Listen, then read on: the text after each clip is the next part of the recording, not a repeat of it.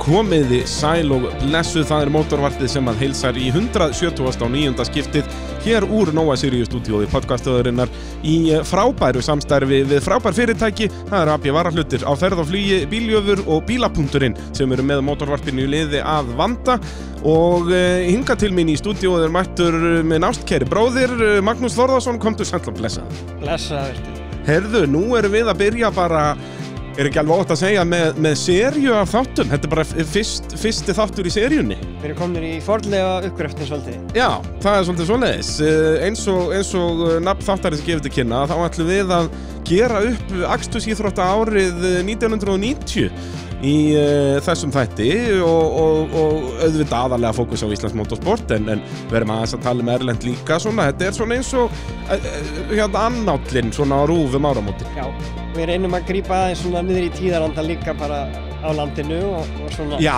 er það ekki svolítið, ég segi það, við viljum að fólk sem er að hlusta átti sér svolítið á hvað var í gangi þarna. Út af það er gott að blessa að tala um Áskir og Braga og Otna Kopsson en, en ef maður svona spilar réttu músíkina með og, og talar um svona, svona þessa stóru svona til að hjálpa fólki átt að sá því hvað var að frétta þarna árið 1990 Við reynum okkar besta. Já, það ekki? Uh, og já, eigum við þá ekki bara að dempa okkur í þetta uh, herra bróðir? Jú, En, en eins og ég segi, planið er að, gera þetta að svona serju, myndum þá næst fjalla um, um 91 uh, uh, já, við, En- við lögðum en- ekki í það að fara aftar en 90 bara upp á að hafa hérna svona heimildir á videoformi og svona til þess að styðja okkur við, sko. Já, algjörlega Og, og, Og það sem erum nú voru bara- fættur einu svona 1990 þá... Já, þetta, er, þetta verður strax skára 91 Já, Það er að, hérna, En já, við vildum byrja á 90 bara og líka upp á það að Það bara hlustenda flott hópur tala til að mótorvarpsins Það er alveg sama hvað við getum talað um keppendur á 1981 að það myndi sára að fá að vita hverju þeir væru Já, nákvæmlega. Þannig að þetta held ég að sé ágætis punktur til að byrja. Er það ekki? Eh, Magnús, þú ætlar að byrja að kynna okkur aðeins fyrir bara tíðarandanum sem var í gangi þarna, eða það ekki? Heyrðu, aðaladriði alltaf á hverju ári Já, og besta kennileitur, Já. hvað var í gangi? besta kennilindi það er hvaða lag fór í Eurovision Já, og það er stjórnin Sigga Beintins og Gretar Örvars þetta er, lag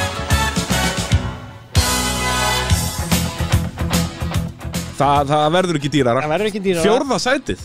Já og þetta var sko hérna og ég er búinn að vera að hlusta svolítið á þætti sem heita Árið er sem eru bara útvarsetti frá Rástvö Já, já, bara þar sem var farið yfir tónlistar árið tónlistar árið og, og hérna og fleiri góða þætti Já. Að það var sko árin hann á undan voru búin að vera við ætluðum alltaf að vinna Já, á hverju já, ári, enduðum alltaf bara í 16. sæti nema sko árið hann að 89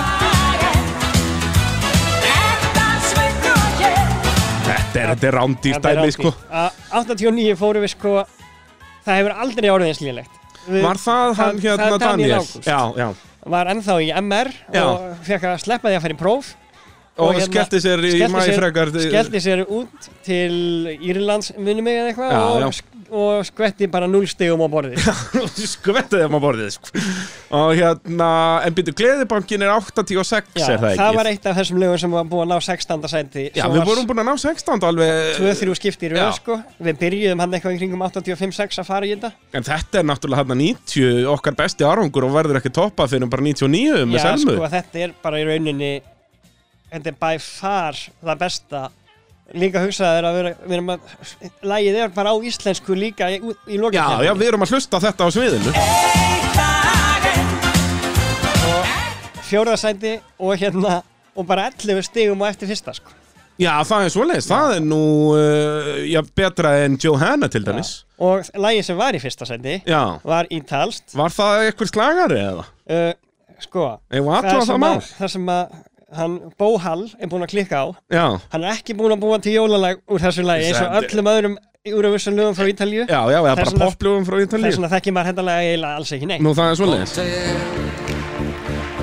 Amico che credevo Já, ég, þetta er ekki að ringja mörgum bjöllum. Ekki mörgum. Þetta var ekki einu svona pottet Eurovision plötunni held ég sko. Nei, nei, þetta er bara eins og segi Bó klikkaði bara á að búa til jólalag úr þessu. Já, Annars hefur við verið með þetta á hreinu. Wasted opportunity hjá okkar allar besta manni sko. Það er nú bara Uh, þannig að já, við gerum gott mót hann í Eurovision, uh, eitt lag enn. Já, og þetta var bara, þú veist, menn voru hérna, þú veist, þetta, þú veist, það var alltaf sko búin að vera hugsunin að nú ætlum við að vinna en enduðum alltaf bara í 16. sendi. Já, já.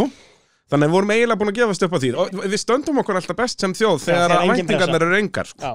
Já, Bara, en það var að vísu hann árað undan, það var búið að hún alltaf að fóra þetta gjössalega í klósendi, sko. Já, það, það var gvett uh, núlstugum á borðið. Já, En Daniel Ágúst gerði nú betur uh, árið 1990 tónlistinu. Við förum nú betur yfir það hér á eftir. já, já. Komið þið sála blessuð. Uh, bíómyndir, hvað var að frétti í, í, í bíómyndaheimum? Uh, það var mjög lítið á íslensku markaðinum, Já. en okkar allra besti pappispísi kom þó í bíó. Búm! Það er sko, ég meiri þess að náðu ekki að grafa upp uh, pappirspjessa, sko. Það var bara, það eru sko, nei, nei, út af þetta, þetta var bara eitthvað svona likku við straight to video dæmi, sko. Ég veit ekki eins og hvort hann hafi verið síndi í bíó. jú, hún var Það það nú. hlýtur að vera. Það var náttúrulega En konceptið á þessum tíma. Svo var þarna bara einhver mynd með Björk, sem mann ekki eins og hvað Já, heitir. og hinn myndin sem að ég sá sko frá 1990 hér Rið, sem er Já. eitthvað um einhvern bifvillavirkja sem að eitthvað Wow. Heyrðu, af hverju erum við ekki að greina þá mynd hér í þessu, þessu mótorvart ég, ég hef aldrei heyrt á þessa mynd minnst. Nei, eini beigvélavirki sem ég myndi í íslenskri kvikmyndasjóðin er bara Axel, sko.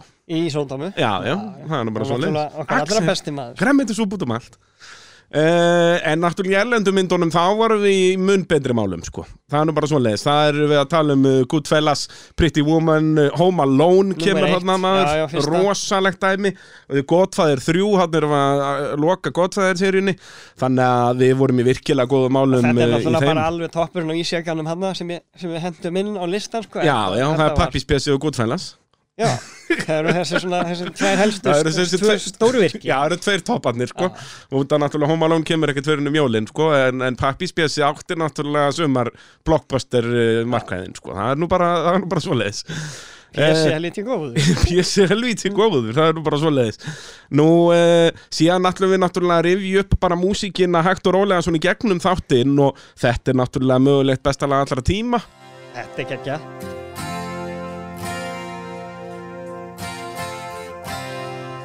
She's a good girl. Þetta er að sannsögur Free Fallin með Tom Perry sem að kom út á þessu herrans ári eh, 1990 en eh, ættu við þá kannski að fara að tala um motorsport Magnús? Er ekki bara komið að því? Ég hugsa það, þetta gengur ekki í, í, í að vera bara bladrandum bíómyndur og tónlist Nei, það gengur ekki, gengur ekki sko Heyrðu, við byrjum á Dakar, París Dakar hann á þessum Já. árum rally byrjar eitthvað í kringum 81-2 Já.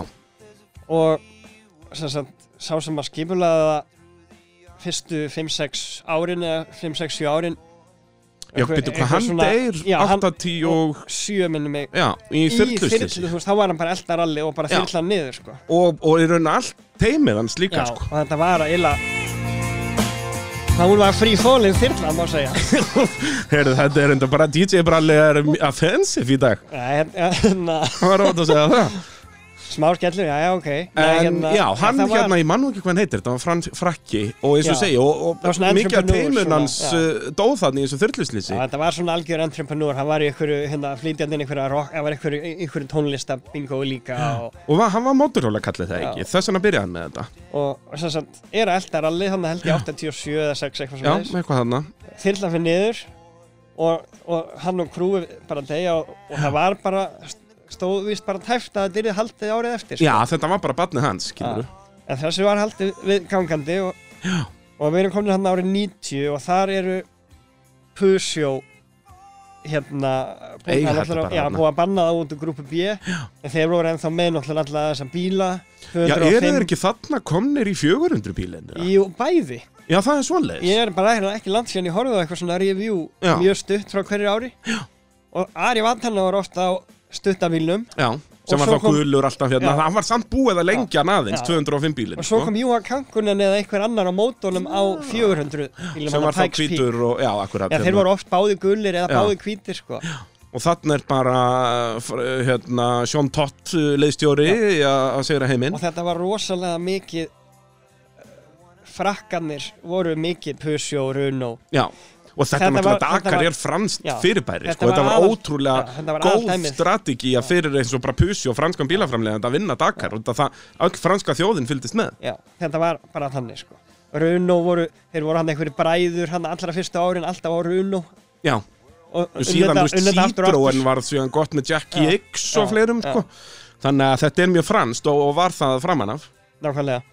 Uh, en Ari Vatanen vinnur sér samt hann á Pusjó í þriðja skipti á fjórum síðastlum árum. Já, uh, og gott ef þetta var ekki hann síðast eða vann hann aftur 91-2 ég man ekki, hann náttúrulega eitt, hvað eitt árið þá tekur hann stóra stóra krassið og er næstu í dauðum bara sko. Já, alveg, hann, hann voru tvö svona stór hægt hann í dagar eftir það? Ég Gott ef ekki, sko. Þú veist, hann náttúrulega fyrsta stóra krassið hans er hann í Argentínu að fyrir síðan 84 eða Já. eitthvað sem var aftur næstuði döður Hann var mjög mikið að vinna með það að vera næstuði döður hann í vantanum hann hefur átt nokkur auka lífi og, og Já.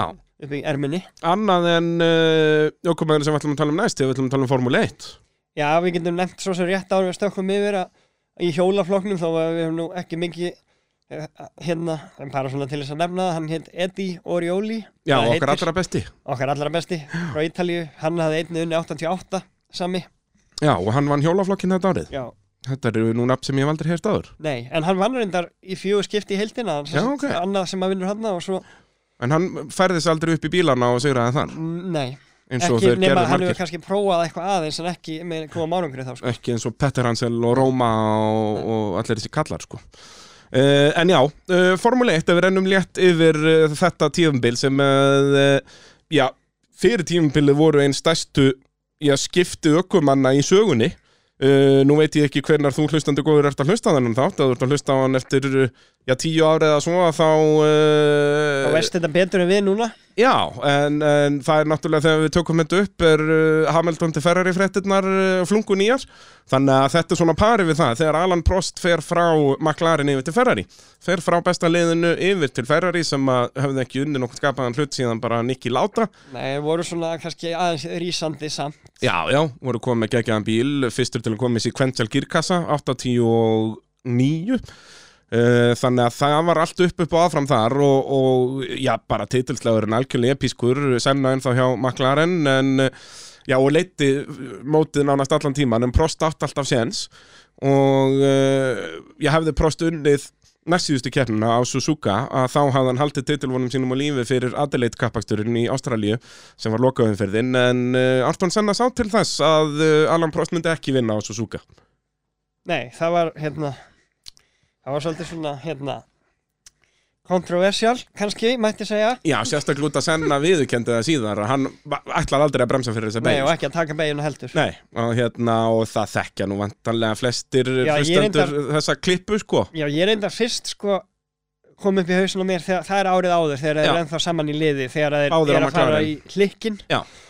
En þetta er svo miklu stærra krass í fyrstu beginu þeir eru ennþá þeir eru komin Bara í ræsingu, þetta er bara mikið fyrsti hraða, ringur já. Já, þeir eru komin upp á alveg hraða og, og, lenda báður út í sandinum hann. Já og sagt uh, Senna er með innri línuna í ræsingu sem er skítu í hluti braudarinnar sem var gert bara fyrir þetta eina ár því að Fostjóri Fósa á þessum tíma var ekki mikil Senna maður alveg uh, rétt, alveg rétt. að að Senna var í, í stöðu í stríði við hann þarna en, uh, og þess vegna er Prost komin á undan inn í fyrstu beigju þannig að Senna ákvað bara, heyrðu, klárum hennan titil núna. Já.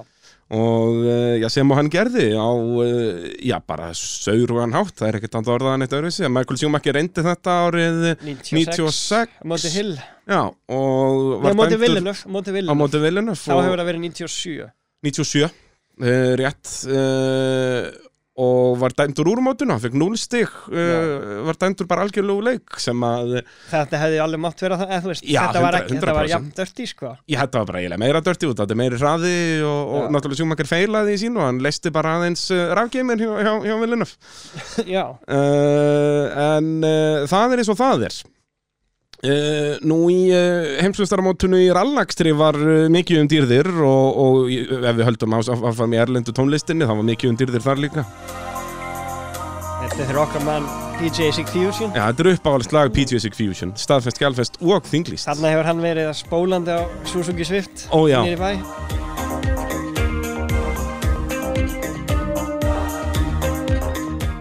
Það er svoleiðið Sound of Silence með Depeche Mode uh, mikið, mikið gott og mikið gaman.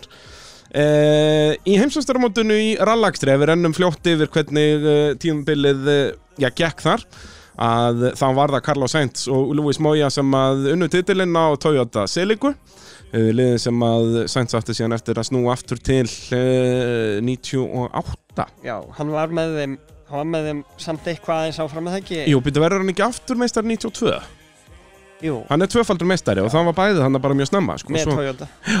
Og hérna en, en uh, já, var tæpur að að ná titlunum svo náttúrulega 98 með Toyota. Já, það, það munnaði það bara nokkru metrum. Já, það er svolítið svo leis Didier Oriol uh, var í öðru seti í heimsvættaramótinu Alansja Á, já, hann er á landsíðu þarna, já. Já, Uh, og svo Júa Kankunen, var hann komin á Toyota þarna? Það var hann ennþá á landsíðunni? Líka á landsíðunni Og, og- þarna er náttúrulega rallið bara á þessum tímamótum, veist, þarna er að byrja að ná sér eftir grúpu B, þú veist, veginn. 87, 88, 89 var mikið lagð. Já, þannig eru bílarnir svona, þetta er aðeins að verða, þetta er ekki lengur bara, þannig að til dæmis er það þá ekki 87 sem er fyrsta sísonið eftir bannið. Jú, það var grúpa A. Þá, já, þá voru þetta bara alveg, bara margir hverju mjög uh, hérna dabrir bílar. Já, og náttúrulega þá var og- ennþá, þú veist, grúpa A reglurnar bara miklu lokaðari. Þú veist, þetta var nánast bara, Fólksbílar. Já, og þú veist, bara Mazda 323 átti bara góðan séns í, í landsíðunar. Þarna er þetta orðið miklu tjúnaðir bílar. orðin, já, já, þannig að þú veist, maður þekkir landsíuna frá þessum tíma, þeir eru með hann Já, svaka felgu, hann svona kælidót skrúað utan á felgunar. Seligan er öll svona orðið svolítið breið, Já. hérna. Og bara eins og segi, komið lífi í þetta þarna Þá þetta sé ennþá að vísu, þetta er ennþá, ég nú- man nú aldrei þessi bodynúmer, þetta er þessi með pop-up ljósin. Já, það eru ekki Og komið í, hvít í og rauð. breiða þarna Hún var bara hvít og rauð á litin, Já. ekkert grænt í henni. Er ekki breiði bílinn, heitir hann ekki 205 og þetta er ennþá 180 og eitthvað 175 eða Eitthvað svo leiðis, 185. eins og segi, ég er ekki með, með númerinn á, á hreinu þarna En hefði þetta er sko, það er svolítið gaman að sjá hérna eins og svona töflu, þú veist, það var til dæmis heimsmið, það var til dæmis keppni í hérna fílabinströndinni Fílabennströndinni, svona eiginlega bara Safari Rally nr. 2 Já, og þar er enginn af topp 10 nema einn sem að sem að nær sem sagt einhverju velunasæti já, það mætti enginn í þetta, veist, þetta er eins og bara Indy 500 í gamla daga Já. í Formule 1 Já. Þetta var partur af prógraminu en það mætti veist. Sama má segja um Nýja Sjáland. Þar er Carlos Sainz eini efstu tíu ökumönnum sem að skora stig. Veist, þar hefur Lansi ekki mætt til leiks. Nei, nei. Og þarna var þetta ennþá þannig, og náttúrulega á grúpi B-árónu var þetta þannig að lið bara völdu það sem var heppilegast. Já, já. og ökumenn, svo þú veist, það var alltaf frækt með hann hérna Valter Röhl, uh, þjóðverjan, hann vildi ekki keppa í Finnland út af því að hann var ekki flugmaður, hann var ökumaður og vildi ekki fljúa Já, nákvæmlega. En þú veist, já, eins og nýja, nýsjálenska rallið þarna Já. 90, Ingvar Karlsson er í öðru seti, einhver maður sem ég veit ekkert hver er, sko. Nei, þetta er nefnilega svolítið magna sko að hérna maður er með svona töflu hérna það er bara topp svona fjórir nánast bara topp þrýr sem að keppa svona meiri hluta meiri hlutan, já, frá eru bara að keppa eitthvað svona 50, fimm og 60 niður keppa bara svona fimm keppnir svona dreift yfir árið eitthvað. Þarna var náttúrulega rallið svolítið öðruvísi með það, þú veist, eins og Evrópumóti þarna var risa stórt, út af þá Já. var það meira svona áhuga manna, það er eins og rally 2 í dag basically, en samt, þú veist, voru að keppa á landsíum og öllu þar. En, og þá var það bara sömur alveg gildu meira, þú veist, eitthvað var reytað, þú veist, skoskarallið var reytað 200-300 stig. Já, já, að meðan að Madeira-rallið var reytað 800 stig eða eitthvað, veist, og þá var bara fengur öllin mismunandi vægi og þá var þetta miklu meira bara allir með öllum. Já, bara þú mætir í nokkra keppnir og stundum er það var fyrir síðast keppni, stundum er Evrópumeistarakeppni og, og þetta voru bara svona þessi, já, 20-30 röll sem voru stærst, en það var ekkit endilega allt heimsvæmstaramótið, nei, sko. og svo líka held ég alveg öruglega ekki komið inn sko Superrally, ég held að það sé ekki fyrir næra aldamóndum Já, eiginlega eftir að aldamótið. hérna, þú veist, þú veist, þú veist að flytja hana þú veist, heilt gámaskipa ykkur drasli til Nýja Sjáland svo, svo bilar allt inn og tóru á öllum bílunum á fyrstu leið eða eitthvað skilur og þá ertu bara takk fyrir það bless. er bara að pakka niður aftur sko. Þannig að, að það var náttúrulega minna en sendi fyrir uh, liðin sem að, þú veist, eins og þarna er Lansi að byrja að bakka út sem, sem, sem verðsmiðinni, eins og sést bara hann að þeir eru að sleppa þremur röllum allavega sem eru svona með mikið svona flutningskostnaða svoleiðis En svo náttúrulega heldur þeir áfram, þú veist, eins og ég held að það, þú veist, Lansjan heldur áfram að vinna röll alveg 93, þú veist, þá held ég eins og Sainz er komin á Lansíu, bara prævat Lansíu, bara. Repsol, mert, Repsol og svo var eitthvað sem hérna eitthvað Jolly. Racing eitthvað og... akkurat, sko. Uh, en AB var að hlutur, þeir voru ekki komin, ég var fyrir síðan þessum tíma, Sindors kom. Það hlýtur að fara að styttast í það. Nú erum við að fara að fá fjórar íslenskar áhafnir í, í rally Breitlandi núna í, í vor. Þannig að það er tímaspest mál hvernig við fáum því AB Spare Parts uh, team í, í heimstöðarmóti, er það ekki? það hlýtur að fara þetta Það er nú bara svoleiðis, AB varahlutur að sjálfsögðu með okkur hér í mótavarpinu eða varahlutaveslun eða vantar varahluti í bílinn. Nú eða verkfæri eða, eða málingavörur það færið þetta allt í AB varahlutum það er nú bara svoleiðis, ef þú að Annað frá 1990, áður en við förum í, í íslenska motorsportið uh, fara þá kannski að tala um svona stemminguna á, á Íslandi, Magnús? Heyrðu, svona, þæ, svona gaman þættir og svo leiðis Já, Það er náttúrulega ekki uh, hvað allir það hafi verið 88 eða 86 7 sem að stöð 2 hefur göngu sína. Já Það er bara nýlega skeð. 86, 7 Já, það er nýlega skeið sko og þá hérna þar var náttúrulega hérna grín teimi sett saman sem að, sem að var með hérna fastilegir sem venjulega og, og hérna heilsubælið. Já, hérna Gísli Rúnar og hún Enda Björgvins þetta Björgvins að segja heiminn sko. og þú veist Júli Brjáns og algjöru kongar hérna og alvöru, alvöru kongar og hérna en Rúf svaraði með, með hérna spöggstofunni Já, það er náttúrulega legendir í dæmi sko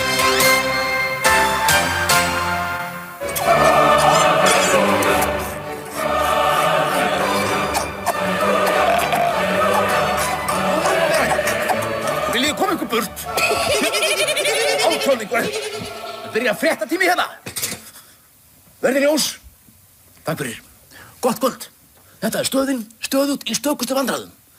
Eftir... Stöðin maður. Stökustu vandræðum. Þetta var sem sagt þannig hérna þetta 90 ástöðinni þetta Já. árið. Og þetta eru þetta eru, þetta eru original line-upið en þá hana Já, já, já, Karl eru- Úlfsson, Pálmi Randver, Siggi. Sigurjóns. og Örn Átna og þetta náttúrulega Búm. Og algjöru kongar e, Það er óvægt að segja það. var, þarna var sko ennþá hérna þarna voru þeir sko hérna ekki alveg komnir í, onni hérna hildi hérna pólitíkurina sko Já, þarna var þú svona veist, annað hver skets bara, bara Almennur skets. almennur grínskets, svona orðagrín og eitthvað Já, hann er náttúrulega orðagrínið mjög stert sko. Ég man eftir einum skett sem er bara að hérna, það er verið undirbúað fyrir bókaflóðið og það er bara maður að uh, styrta bókum yfir mann Já, bara, við erum ekkert að Þetta málinu er bara hérna. basic. The basic uh, glens En svo náttúrulega Rúf var þarna ennþá náttúrulega Ég er það ekki, vinsanlegsti sjónvarsáttur sögunar bara á Íslandi. Jú, á tali á heimagun. Já, Þannig það var hann á fullu, ég held að það hafi verið svona frá kannski 87-8 til svona 94-5 eitthvað. Já, og það var bara blúsandi sving alltaf það hef ekki verið svona hérna föstudagskvöld eitthvað svona, svona spjallþátt jú, það ekki fös eða lau Já, þá býð ég hann sérstaklega velkomin og mér er það sérlega ljúft að gera. Svavar Gess.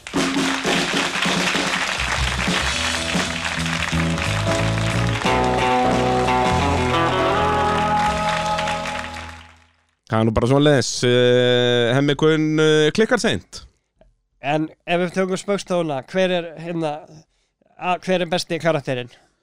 Ú, uh, Er þetta topplisti, er þetta top 3? þetta er, þú veist, Siggi Sigurjóns á þá tvo að mínu mati, sko. Já, hver Náttúrulega á- Reykjásinn er, Hver er á fæsta karakterina finnst þér svona? Fæsta, verða það ekki að vera randver. Hann náttúrulega lék konuna þarna í Mér finnst fréttasettinu sko nefnilega þegar ég hugsa þetta þegar það var kötta niður um einnanna Já. erfiði tímar. Erfiðir tímar. Þá hefði ég sko hann lítur að vera samt, þú veist, ég, náttúrulega- hann lítur að hafa bara séð svo mikið um handriðskerð og eitthvað en Pálmi á einhvern, einhvern, einhvern, margar karakter Nei, hann var yfirleitt svona random gæin eða Já. svona, hann lék alltaf eitthvað, eitthvað skrýpakall en ekki svona, þú veist, eins og þú segja á Pálmi eitthvað karakter sem við veitum nafnið hann til dæmis. Ég held ekki sko Siggi Sigurjóns Já. var mikill í því, veist, Hann ég á flesta Hann, hérna, hann Kristján Ólafsson hann er er, minn uppáhald, sko, já, hann er geitin. Siggi Sigurjóns er geitinn, hann líkur hamna fyrir reyndar, já, nákvæmlega, sko. Uh, en nei, reyndar, hérna og ég veit að hann er ofalega lausnað á því er hérna sem Karl Ágúst leik hérna Já, föndurkallin já, það var alltaf hress, samt ekki. Það var ekki alveg þessu Ég bara, ef þið viljið föndra svona og getið þið bara föndra svona póka, mér skýt saman hvort þið viljið gera svona Það er, hann var, var hress og kattur, það er rátt að segja það. Svo var hann sérstaklega þungur á því hérna fyrir jólabókaflúðu þá, Nei, fyrir jólaföndri sko. Já, já.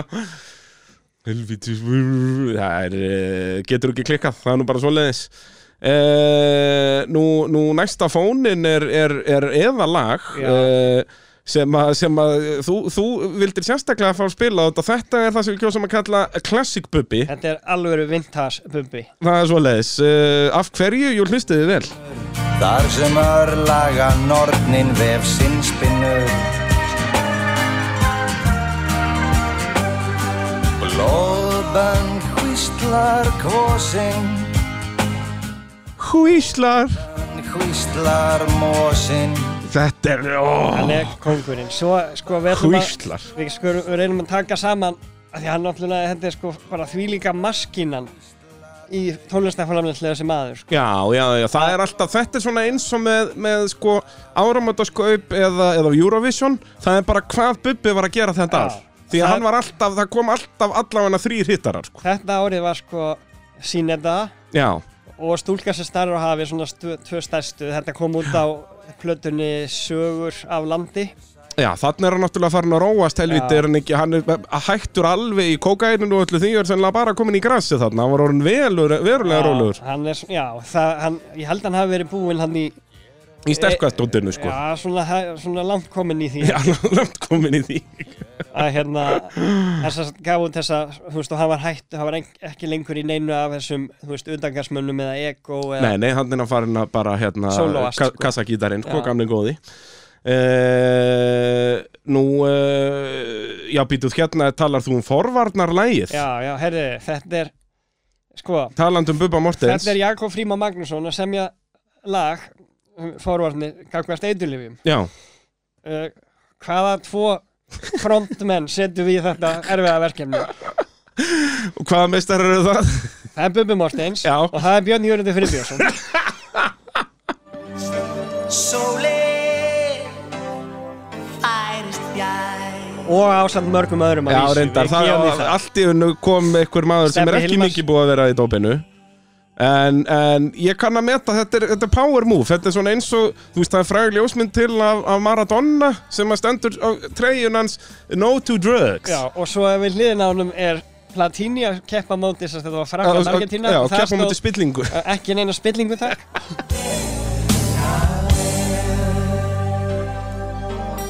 Við neytum að vera með, þetta er þetta dásamlega lag. Með hjálpar sveitinni Já, þetta er, þetta, þetta er stórfenglegt að fylgjast með þetta þessu. Er Jakob Fríman, Ó, að gera gott mót. Virkilega gott. Nú, e, nú áður en við förum í íslenska motorsporti þá náttúrulega er Vestlunamannahelgin alltaf, alltaf, stór partur af, af árið hverju. Og talandi um Jakob Fríman þá Já. heldur stuðmenn sjálfur bara Já. hátíð í húnaveri Já, þar mætti cirka 4000 manns það var svona ekki nóg gott veður og á bara stuðmanna hátíðina Já, það voru náttúrulega samt ótrúlega margar aðra hljósendur, eða Risaðlan heitir hljósend, það var hún Nú. hérna Halldóra Geirhars.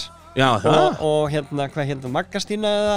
Já, já, held ég ljúið ekki sem að, ég bara hef aldrei heyrt um það. Nei, svo hljósend hætti bara af því að hún Dóra uh, fór í leiklistaskóla og mátti ekki koma lengur fram ofinbellega á meðan hún var í náminu. Nú, það er svo leðis Þeir voru alveg bara farin að meika og þeir voru konum með plötusamlinga úti og allt, sko. Það er ekkert annað. Nei, Og hvað, en býtu, hvernig kemur Englar, Alheimsins út? Er það þá 93-4? já, allir það ekki. Það er, það er hennar svona fyrsta stóra leikhlutverki, það Já. ekki þar Gæti verið Þetta er Eh, allt, þetta er allt um, mjög góður fróðleikur upp úr árið er. Já, er nákvæmlega, rúf er að gefa í þessum efnum Þetta mæli ég ein, einstaklega vel með fyrir hérna, eh, menn þetta er nánast eins og setja bara á playlista það er svona rétt aðeins verið að kynna lögin inn á milli og svo er bara hvert ár tekið íslensk tónlist. Ekkert aðeinlega hugulegt uh, Nú þjóðhátti var vantarlega eigum hann, eða ekki?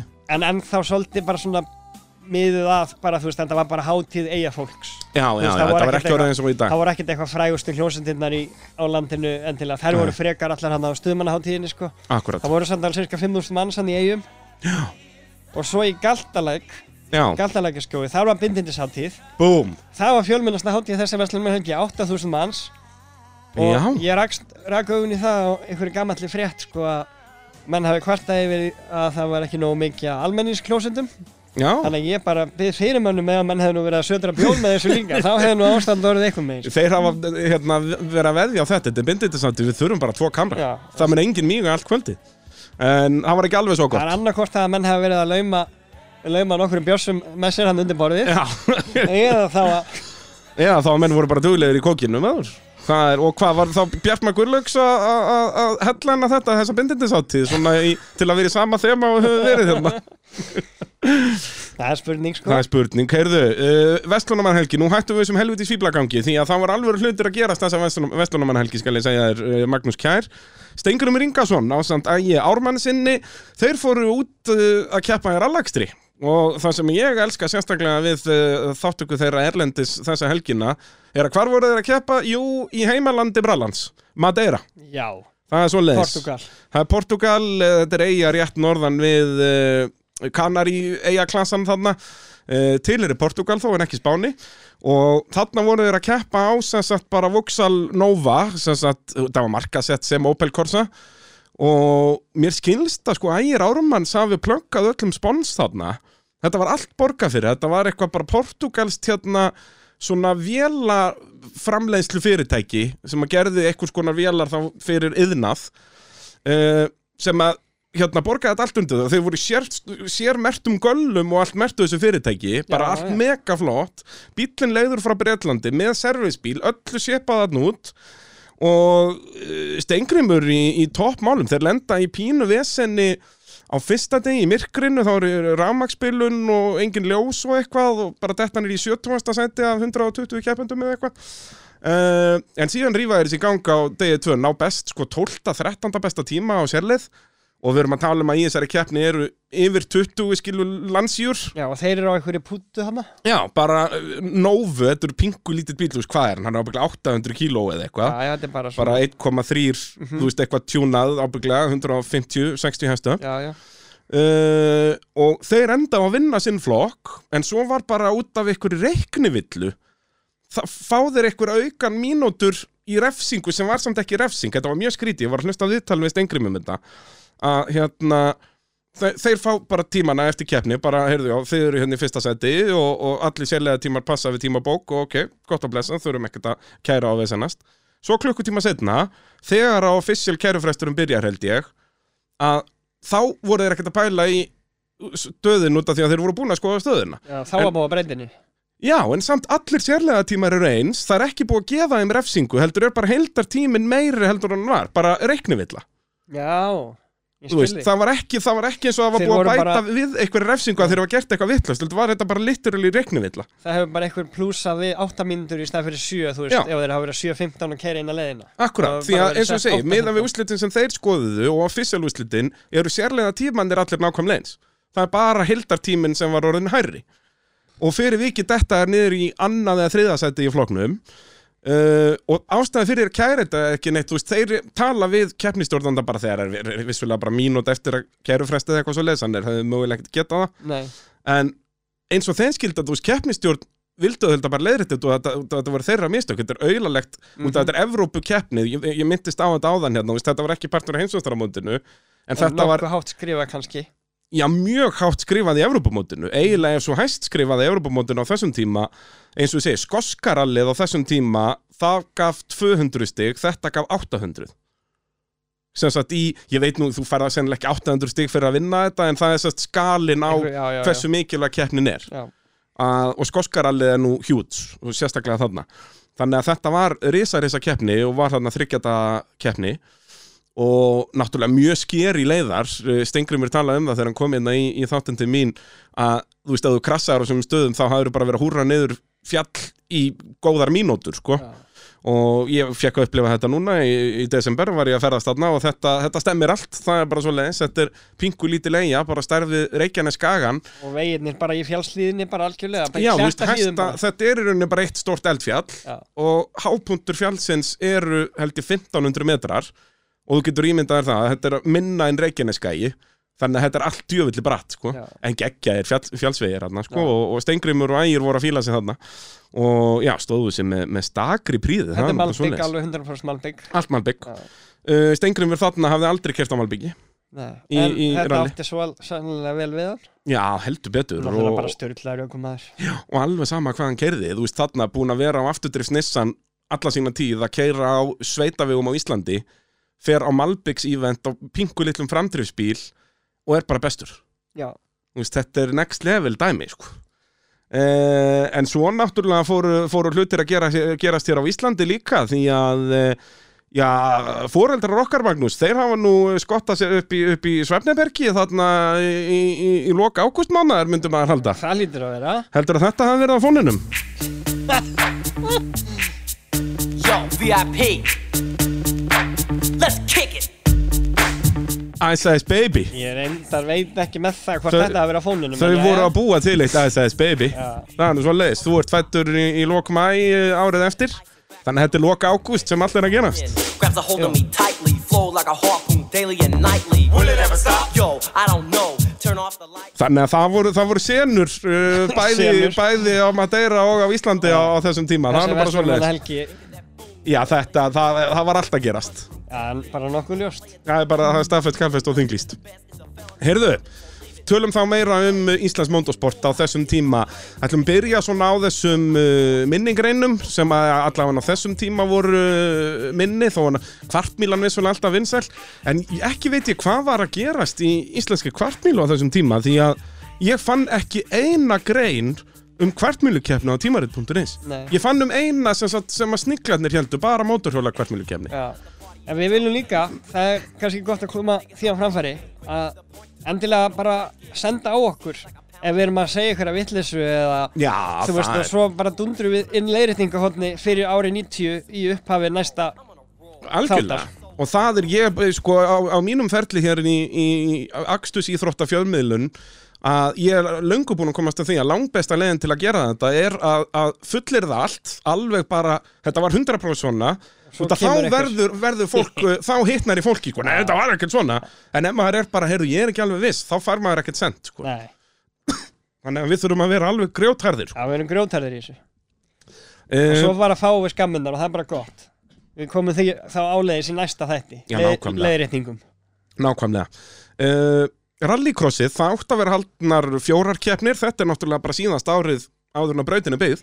Er það ekki? Jú, ég held að, er það ekki rétt mér? Það er 91 frekar 92 Já, með minni þetta. Mér minni það, hún uh, sé opnuð þarna með pompi og prækt voruð 91 uh, Þannig að þarna er þetta ennþá bara í greifjum og dóti. Ég man að loka umferðin var uh, á króknum. Þeir voru alltaf meina keppni á, á ári. Já, í hennar grifjónum bara það sem að hennar nafinnar sérlegin er allir sérlegin Já, þetta er bara þar Er þetta uppi eða er þetta niðri? En það er, já, eiginlega uppi að svona, já. Já, ok. Þarna, En nálægt þess að það sem að vöru bíla bílastæðin og það Akkurat, akkurat, já. Uh, En uh, já, þar keft í þessari lokakeppni voru 12 bílar uh, skráði til X þar sem að Elias Pétursson vinnur á sínum eskort. Og er þetta ekki bara krónu, krónuflokkur í rauninni Jú, þetta er eitt flokkur. Uh, Ég veit ekki hvaða flokkur það var. Hétt þetta krónuflokkur þessum tíma? Ég veit ekki, þetta hefur bara verið rallycross. Já, bara rallycross flokkur myndi Já. maður halda, bara tiltölu opið myndi ég halda allavega. Nákvæmlega. Uh, En það voru bara þrýr keppendur sem kefti öllum þessum þremur keppnum. Eins og segi, það átti að vera fjórar, enduðu bara að vera þrjár. Já, Þannig að eins og segi, þetta var nú tiltölulega daburt en síðan alveg magnað á bara e- einu ári hvað keppendafjöldin bara fimmfaldaðist. Nei, meira já segja. bara fá aðstöðu Það er bara munar svo rosalega. Það er bara, var það ekki strax 91 eða kannski frekar svo 92-3 sem voru skilur byrjaðar að vera 60-70 bílar Já, Í og flokki. undan keppnir og einhver alls konar Já. æfingar einhverjar Þannig að, að En ég meina uh, úr, þú, úr 12 bílum þarna uh, árið 90 þú tókst nú viðtal við hana Guðni í Úlfars Hún var að keppa í rallycross og var rally hann á þessum árum. Já, já, á Starlet að hérna, þú veist að hún sagði bara já, ég bara fór á bílum og kerði hann bara á Söðokrók og keppti rallycross og svo bara vonaði ég að ég er ekki klest í tætlir svo ég geti kert heim aftur, skilur Já, nákvæmlega, bara það var, þú veist, gamli góði fake spottinn og Já. bara kert norður, skilur þetta, ekki, þetta var ekki flókið þarna uh, Guðni endaði mitt móti í sjötta sætið þarna með 20 stig og 20 stigum eftir eh, Eliassi Péturs Já. uh, En það gæti svo sem verið, ég veit ekki hver, hvort það var einhver sem að fekk Íslandsmeistara titil í rallycrossin á þessu ári því að það gæti líka að verið eitthvað regla að það hefði þurft að keppa í öllum keppnum. Þannig að það er það bara eitthvað sem þremur sem að keppti í öllum keppnum sem áttu möguleika. Ég skilði en eins og ég segi, þetta var frekar, frekar daburt mót. Uh, eins og ég segi, með kvartmíluna get ég lítið sagt ykkur því að ég bara fann ekki en einustu grein inn á tímarit.is sem er stórmagna, þannig er náttúrulega Jak Pínu búin að draga sig í hlýja, hann náttúrulega dró kvartmíluna svolítið í fjölmiðlun uh, bæði Já. 70s og 80s Já. uh, en síðan kemur hann aftur sterkur inn aðeins setna uh, en náttúrulega Ólafur Pétursson er þarna á sinni ofur grind Já, í sandspinninu meira, eða kannski hann er kvartmílu bæði, sko, hann já. er bæði kvartmíl og, og sandi. Þetta er grind sem var mert Pepsi á bílúbu Benna svona ógæstlega löng, hann situr fyrir framann vélina Já, sagt, já. uh, hérna, ef, ef, ef, ef að það ringir ykkur um bjöllum.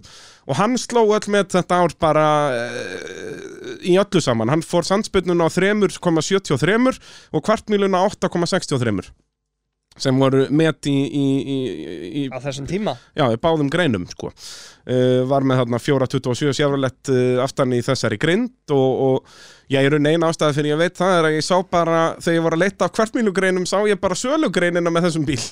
Já, söluauðlýsinguna Söluauðlýsinguna, sko, hann, hann var komin á sölu þetta um haustið uh, og er ég nú bara það fáfróður að ég veit ekki hvort hann hafi selt og hver þá keifti en ég veit að þessi grind hjælt áfram að keppa sko. Já, Uh, en já, meira veit ég ekki en uh, í sandspunninni þar voru alveg þrjár, fjórar keppnir og flestar mjög stórar. Þú veist, voru með stórum spons, náttúrulega bílópu benna risastortanna, Pepsi var mikið uh, sömu leiðis á þessum árum er, var hérna bílabú benna mikið þetta voru svona fyrsta árin hann með þessi þetta. Já. og það var náttúrulega sandspinnan rosalega svona sölupunktur. Akkurat. Menn voru að kaupa sér hérna par undir bílana eða svona jeppa og Já, og Mæti bara eins og breytta guttubíla, skilur já ég er að segja það sko undir bílana já. Akkurat, akkurat. Og hérna Benni uh, kunni alveg á sinn marka en hann var líka full og þarna bara sponsaða rallið og allt saman. Þetta er bara, þarna var bílúpi benna svolítið eins og AB varahlutur er í dag. Bara bæði styrkja keppnishald, keppendur og allt saman bara. Og,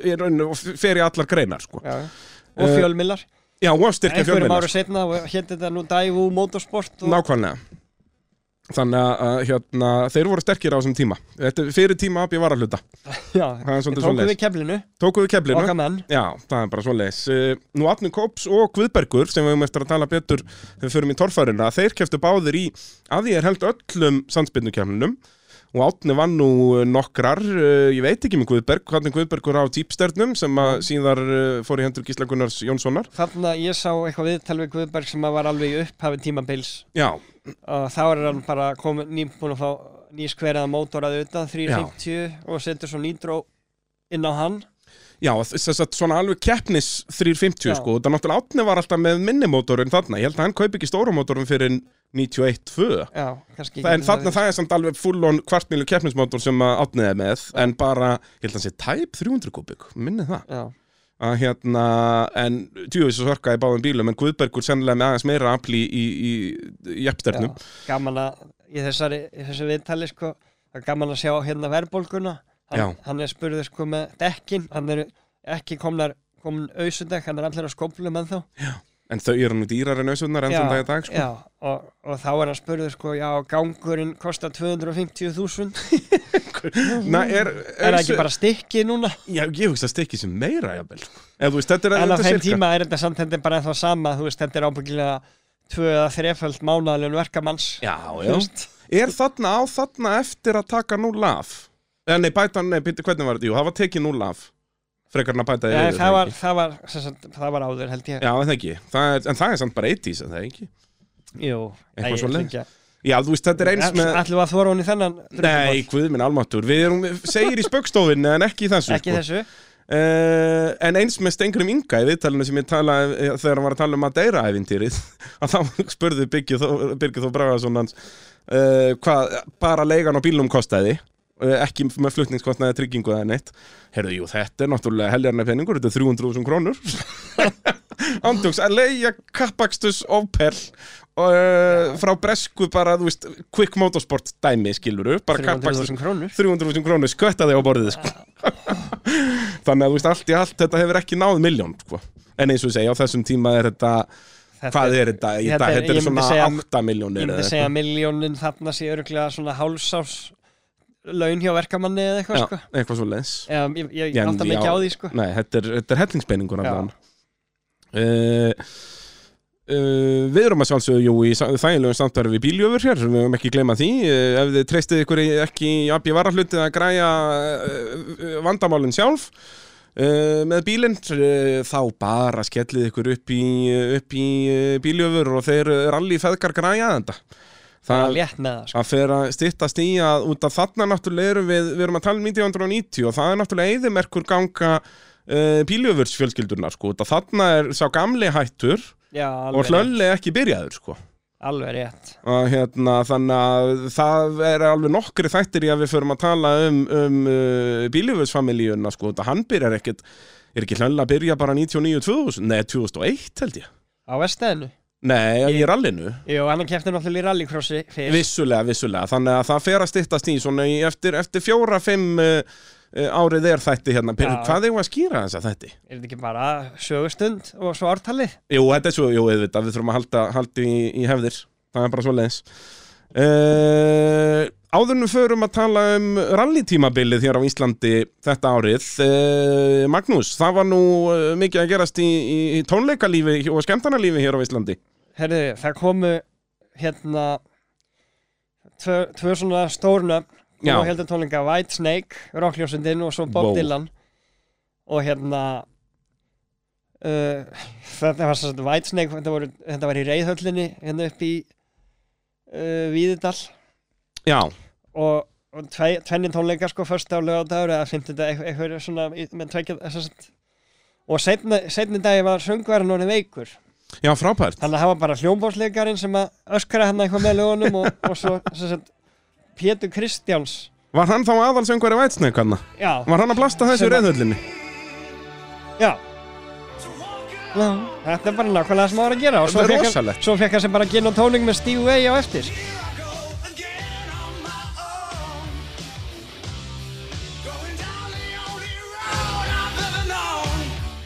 Það er, uh, það er grjótart, myndi ég að Það segja er grjóntært Pétur Kristjáns var svona, al, bara svona mógull í tónlistarlífi á Íslandi. Það var til dæmis í gildurinni, sálinni. Hans samti lagi Krókurinn og syngur Já, með, með, það. með þeim í því. Já, eins og ég segi, þetta er ekki nafn sem að ég kannast mikið við, er sko. svona Þetta er ekki mikill frontmaður. Nei, ekki, en þú veist þetta- með vætsneik En, já, já, nema með Whitesnake sko. Hann var svo sem bara kynnir. Hann átti að vera að kynna þú veist hljósitinu já. sem að var að hit- hita upp og svo, En svo bara, bara tók hann kikkið bara. Málið dött ah, þetta, þetta er það erfiðar í dag, sko. Heyrðu, Taylor Swift er í höllinni en eh, heyrðu, hún er bara eitthvað lasin Þannig að hérna er bríett. Já, eða sko Þetta væri svona, hver væri kynnir Þú veist? Já, þetta er svona Hérna, meira bara Einhver hérna útvarskona eða eitthvað. Já, þetta er bara, já, það er bara auðvitað blöðu eða eitthvað. Það er bara þannig. Undir blöð myndi fara að þemja pípunar Já, það verður rosalegt maður. Fú Heyrðu og svo kom líka Bob Dylan. Já, Já. Dylan er mætt á klangan Já, það var svona lágstemdari tónleikar og og það, það voru bara hérna sitjandi og einhverju 2000 mann sem máttu koma eða eitthvað.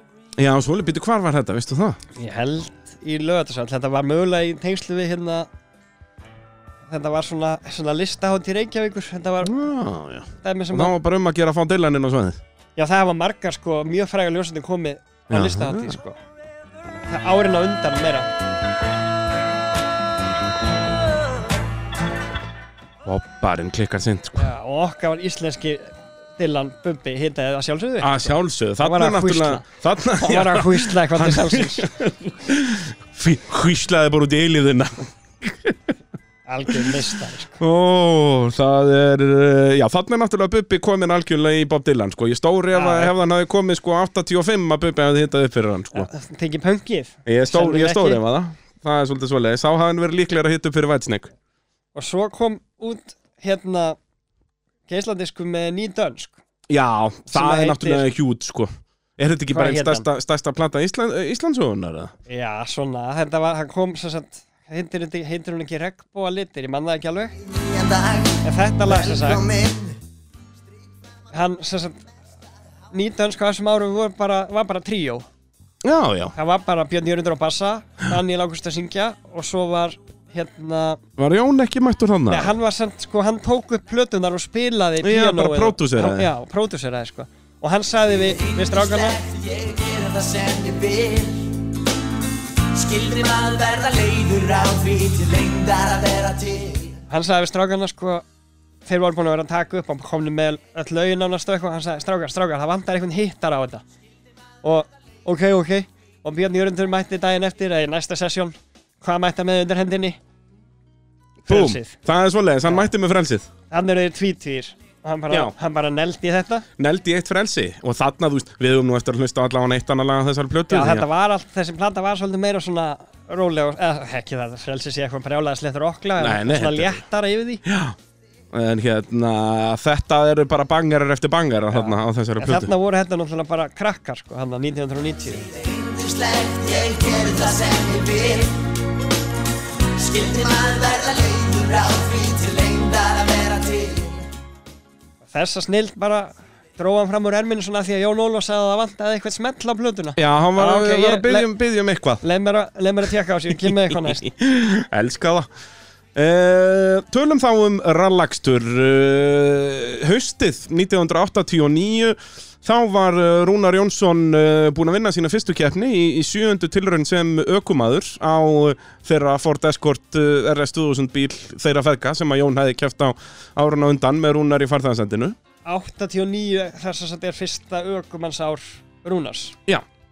Uh, Nei, það byrjar hann ekki mitt tíumbil 88 Já, það er það, já. eins og segi, þetta var Sjö sjöunda tilhöruninnan sko, og þetta var haustrallið þarna 89 Skilji.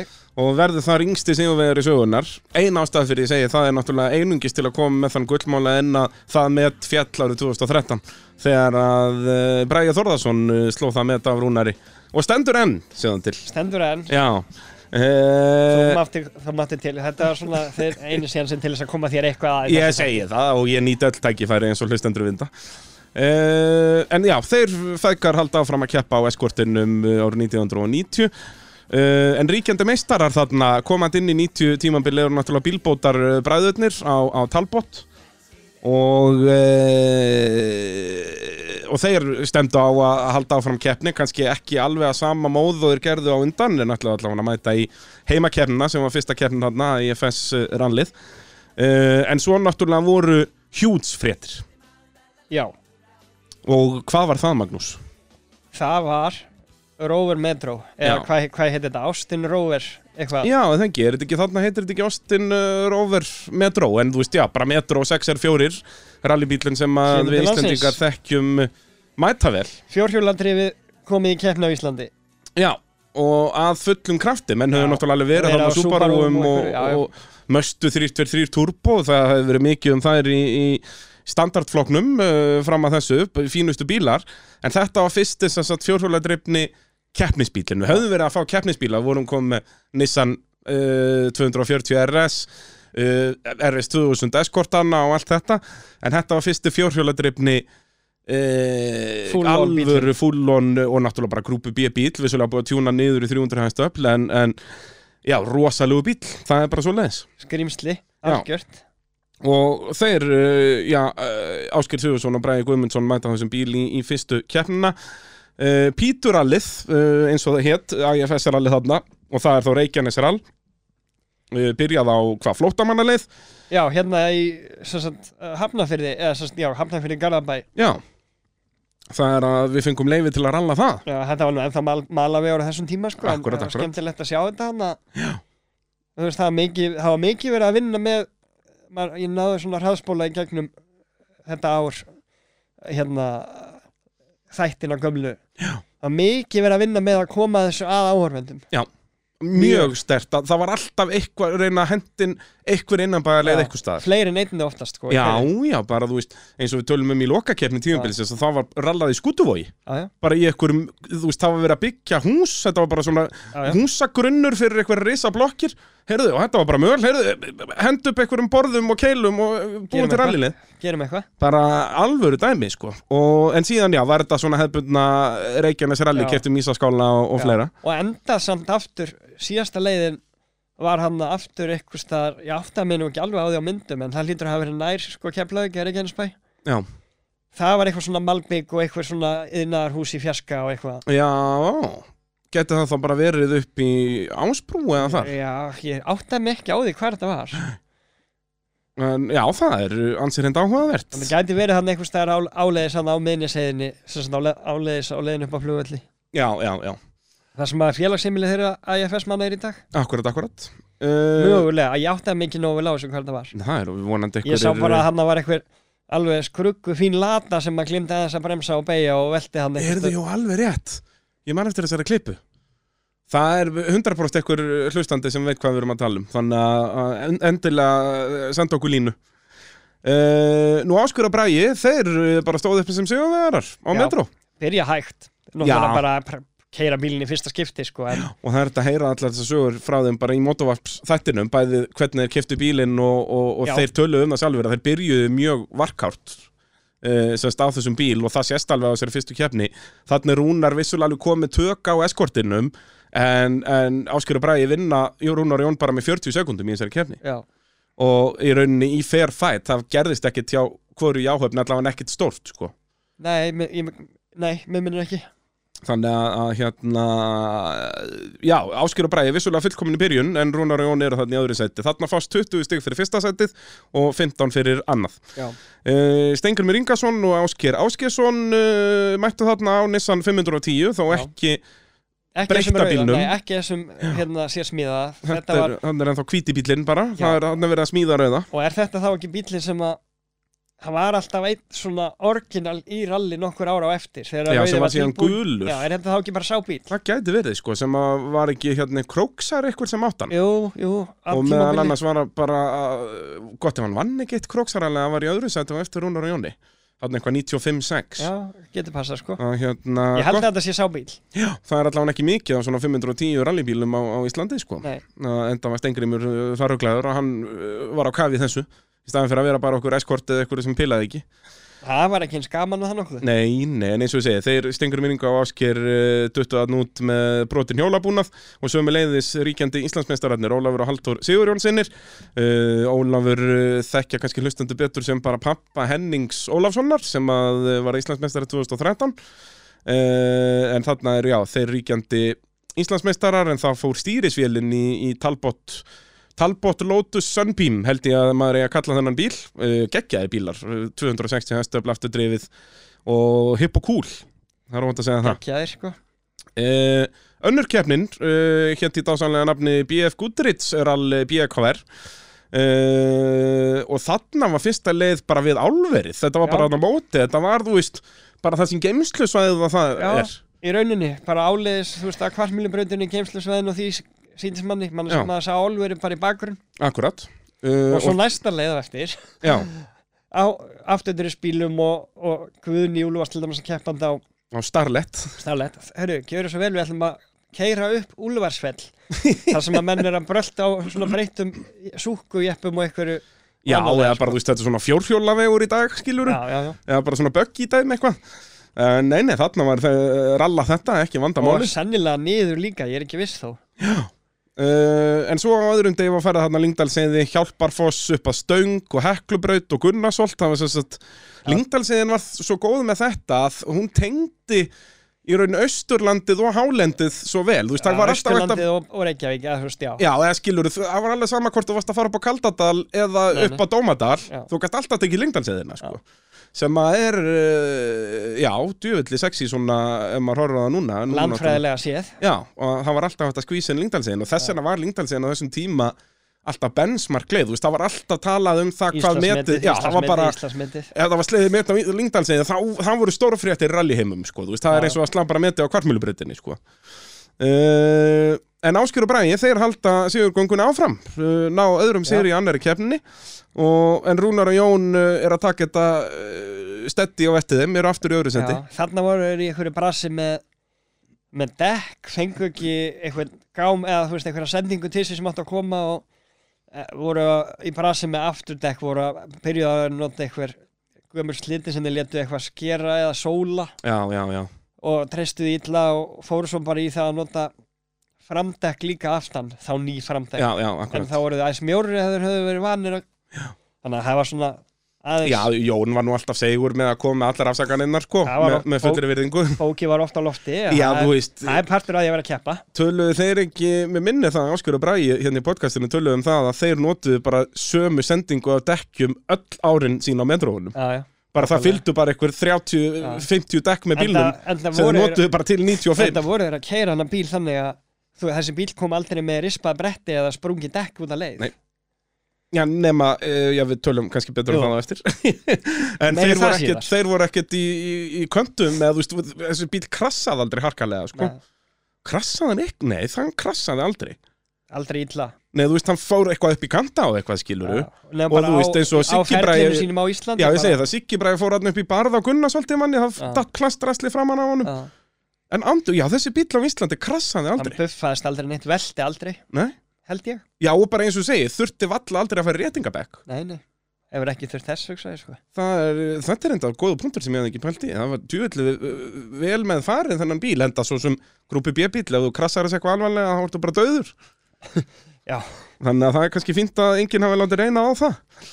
Uh, En samt sko já, í rallinu á þessum tíma Að þetta voru sagt, það var hörkuslagur á toppnum en það var, þetta er í pínu læð þarna, Mm, hvað var það sko toppbíla sko þú, þú sér í þessu ralli sem við erum að fjalla mynda annur keppnin BF Goodrich það voru held eða nýju bílar sem að ræstu á stað sko.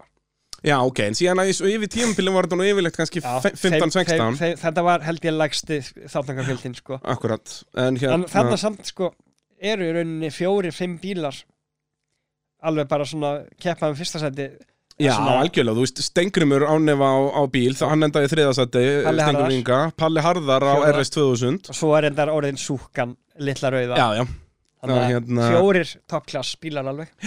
Að hérna Ævar og Ari voru náttúrulega rosalegir á Suzuki, sérstaklega 89 þá Já. enduður í öðru sætti í Íslandsmótinu bara og voru alltaf í öðru eða þriðasætti í öllum keppnum ótrúlega stetti og bara keirið hana drullur hrætt yfir sko. Já, já, samt ekkert, ekkert drama þannig séð, sko, bara eh, hérna, eh, ekki slow and steady wins the race, fast and steady wins the race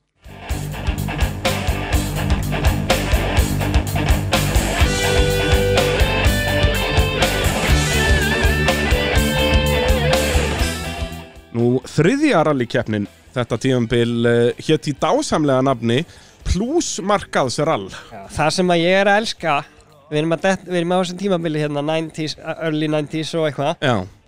Það er sko þessi stemming er ennþá bara á einum stað á Íslandi. Mm. það er í ármúla og síðumúla sem er hvað? Þú veist, ef á ert með verkværabúð Já. þá heitir hún bara verkværasala og er í ármúla. Já, og þú Bara- veist, ef þú varst með bara fataveslun, þá heitir hún bara fataveslun já, þú veist, fataveslun Ægis. Braga, Já, hún var bara þannig, skilur við gummivinnu stofan. Já, þetta er- góða punktur, þetta er svolítið ármúlin núna er þetta, núna er þetta bara, þú veist start. Já, fastegna vera, vera hipp og Já. sko.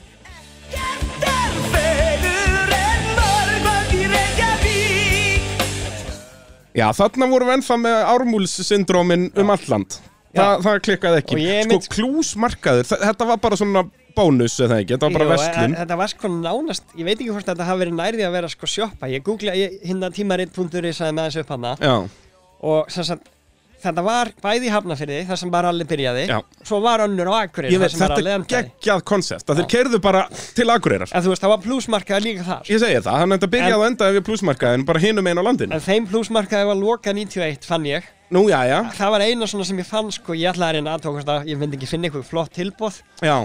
Þú veist. Já, já, að reyna þú veist, hvað kostaði pulsupakkin já, hann já, en ég, ég dætti ekki inn að það sko. Nei, það markaspöttið ekki mikið með- hjá, hjá plusmarkaðinum. Ég held að pilsupakki hljóta hafa verið á svona kannski 50 krónur eða eitthvað. Svolít 32 og hérna sko, það eina sem ég fann á tímarið.is með plusmarkan var bara að þeir voru grunnilega að selja lottó Já, það var bara hérna öll tím, hérna alltaf á 50 dögum eða hvernig sem var dreigið út það var bara sölustæðir, það var bara plusmarkaður plusmarkaður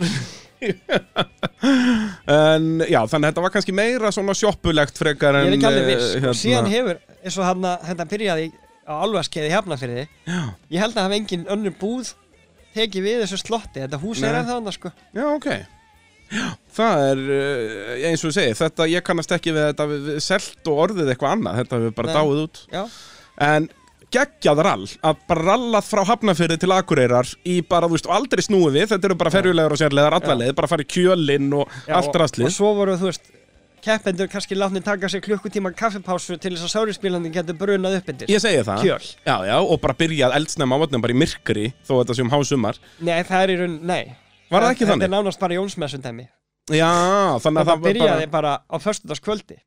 Ég skilði þig. Þeir keira Gatehouse. Alveg rétt og svo endar þetta bara hann á lögadegi þeir keira sko Gatehouse það er fyrsta leið.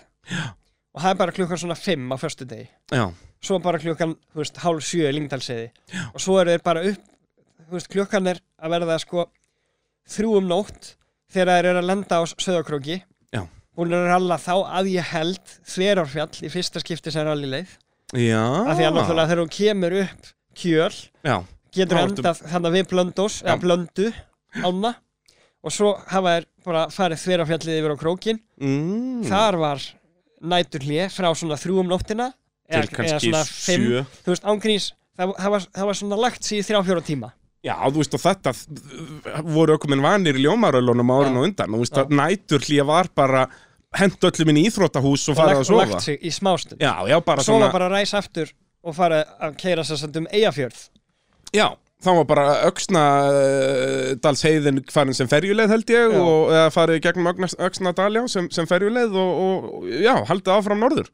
já, og endað innanbæjar á Akureyri, innanbæjarleið þar Já, hann við, nákvæmlega. hérna hvað heitir það, Álafoss eða eitthvað hann innar, hann við eirina, niður á eirinni sjálfri nálátt höfnin og því. Nú, og í þessu ralli sannaðist uh, mjög vel það sem Áskjör og Bræði sögðu á alla tíð að, að þetta var ekki bara bílinn sem var góður, heldur voru þeir líka djúvillig góðir. Og þarna var verið að ralla mikið að leiðin sem hafi ekki verið rallað áður. Já. þannig að þarna um miðjan annan dag eru þeir komið með 5 mínútur í foskot og Rúnar og Jón. Já. og miða við að þú veist, dáttu leik hann um nóttina upp á kili. Akkurat og hérna uh, já, komið 5 mínútur í foskot og þetta er ávarnir sem hefur verið í sekundaslægi fyrstu tveimurálunum sko.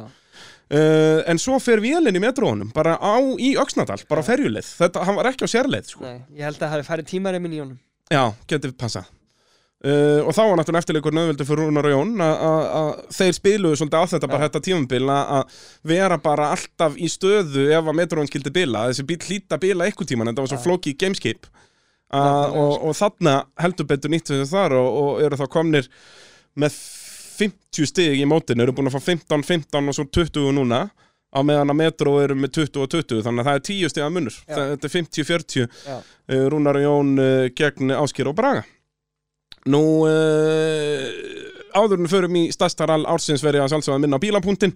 Ef þið uh, lendið í ykkur tjóni það eru nú allir að tjónast eitthvað núna þó hvort sem að sé manni sjálfum að kenna að öðrum í, í snjónum að þá heyrið þið bara í valda í bílapunktunum þetta er ekki flókið mál, það er uh, bæði sprautuvestæði og réttingavestæði þannig að það er allir pakkin þar. Allir pakkin uh, og bæði með sem sagt, uh, smá réttingar eða þarf bara rétt að skipta með stöðara eða, eða laga smá dælt ef þú varst hurðaður eða framrúðiskipti eða hvað það er og, og öllum uh, bílum skilað ný bónuðum og ég veit ekki hvað og hvað. Ég legg til að fyrir næsta þátt sko, eða verður svona leiðréttingar og svona allar réttingar verða í bóði bílapunktsins Ú, ég, ég sagði ykkur að spöggstofa gemið hjá okkur verið stert sko. talandum gott orðagrinn takk fyrir, takk fyrir, takk. Uh, þá er það Kúmórallið uh, sem er alþjóðarallið fjórða umferð Íslandsmeistarmótsins. Þarna voru tvö hauströll það voru sett sex umferð í Íslandsmótinu en Kúmórallið fjórða umferðin.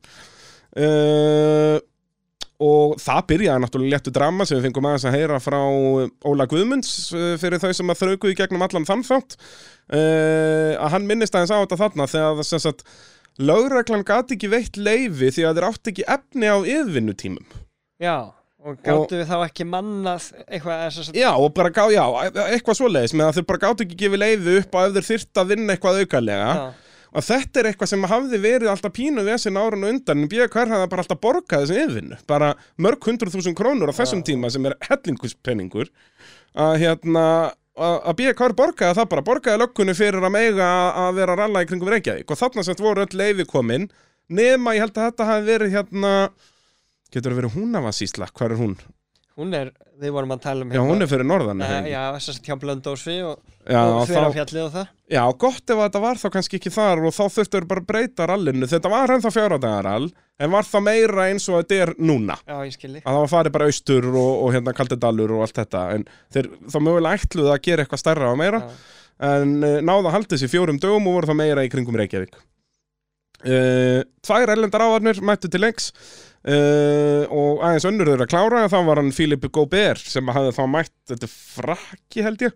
Já, hann hljóma svolítið franskur. Hann hljómar djúvillig franskur sko og hann hefði mætt hérna, þú veist, ég held að þetta sé í fymta eða sjötta skiptið sko. Hann og Walker Já, mættu hérna bara ár eftir ár, Philip Walker mætti síðast 2001 eða eitthvað, mest á möstunni? Já, 90 og eitthvað, 2000 kannski slétt. Já, Gulri 99-2000, Möstu. já, Já. Gulri Möstu með svona spoiler. Hann er einmitt gaf byggarinn sem að hérna fyrir mannkeppnunar Já. hann, er í, hann er í hans bóði í minningu Hafsteins Haukssonar. Það Já, það er Philip Walker sem að byrja Já, það, ég vissi það ekki. En, en uh, já, Philip Gobert uh, mætir sérst þarna ára á Fiat Uno og kláraði í 15 og næst síðasta seti, ég held að klára nú bara 6 uh, bílar keppnina, ég held að ræstu átján Já, er Og við, sex. eins og við komum inn á aðan hann er ekki Super Rally hann ef að það fer hjá þér eins skrú á fyrsta degi þá erst þú bara búinn. Já, það er bara svoleiðis, en það var það alveg þekkt þarna síðustu ára, árin á undan þessu að bara ef það kláruðu 7-8 bílar alþjóðar, þá var það mikið, Já, sko, það, það var stundum bara 20 4-5 ræsingum, eða Já, jafnvel yfir 30, sko.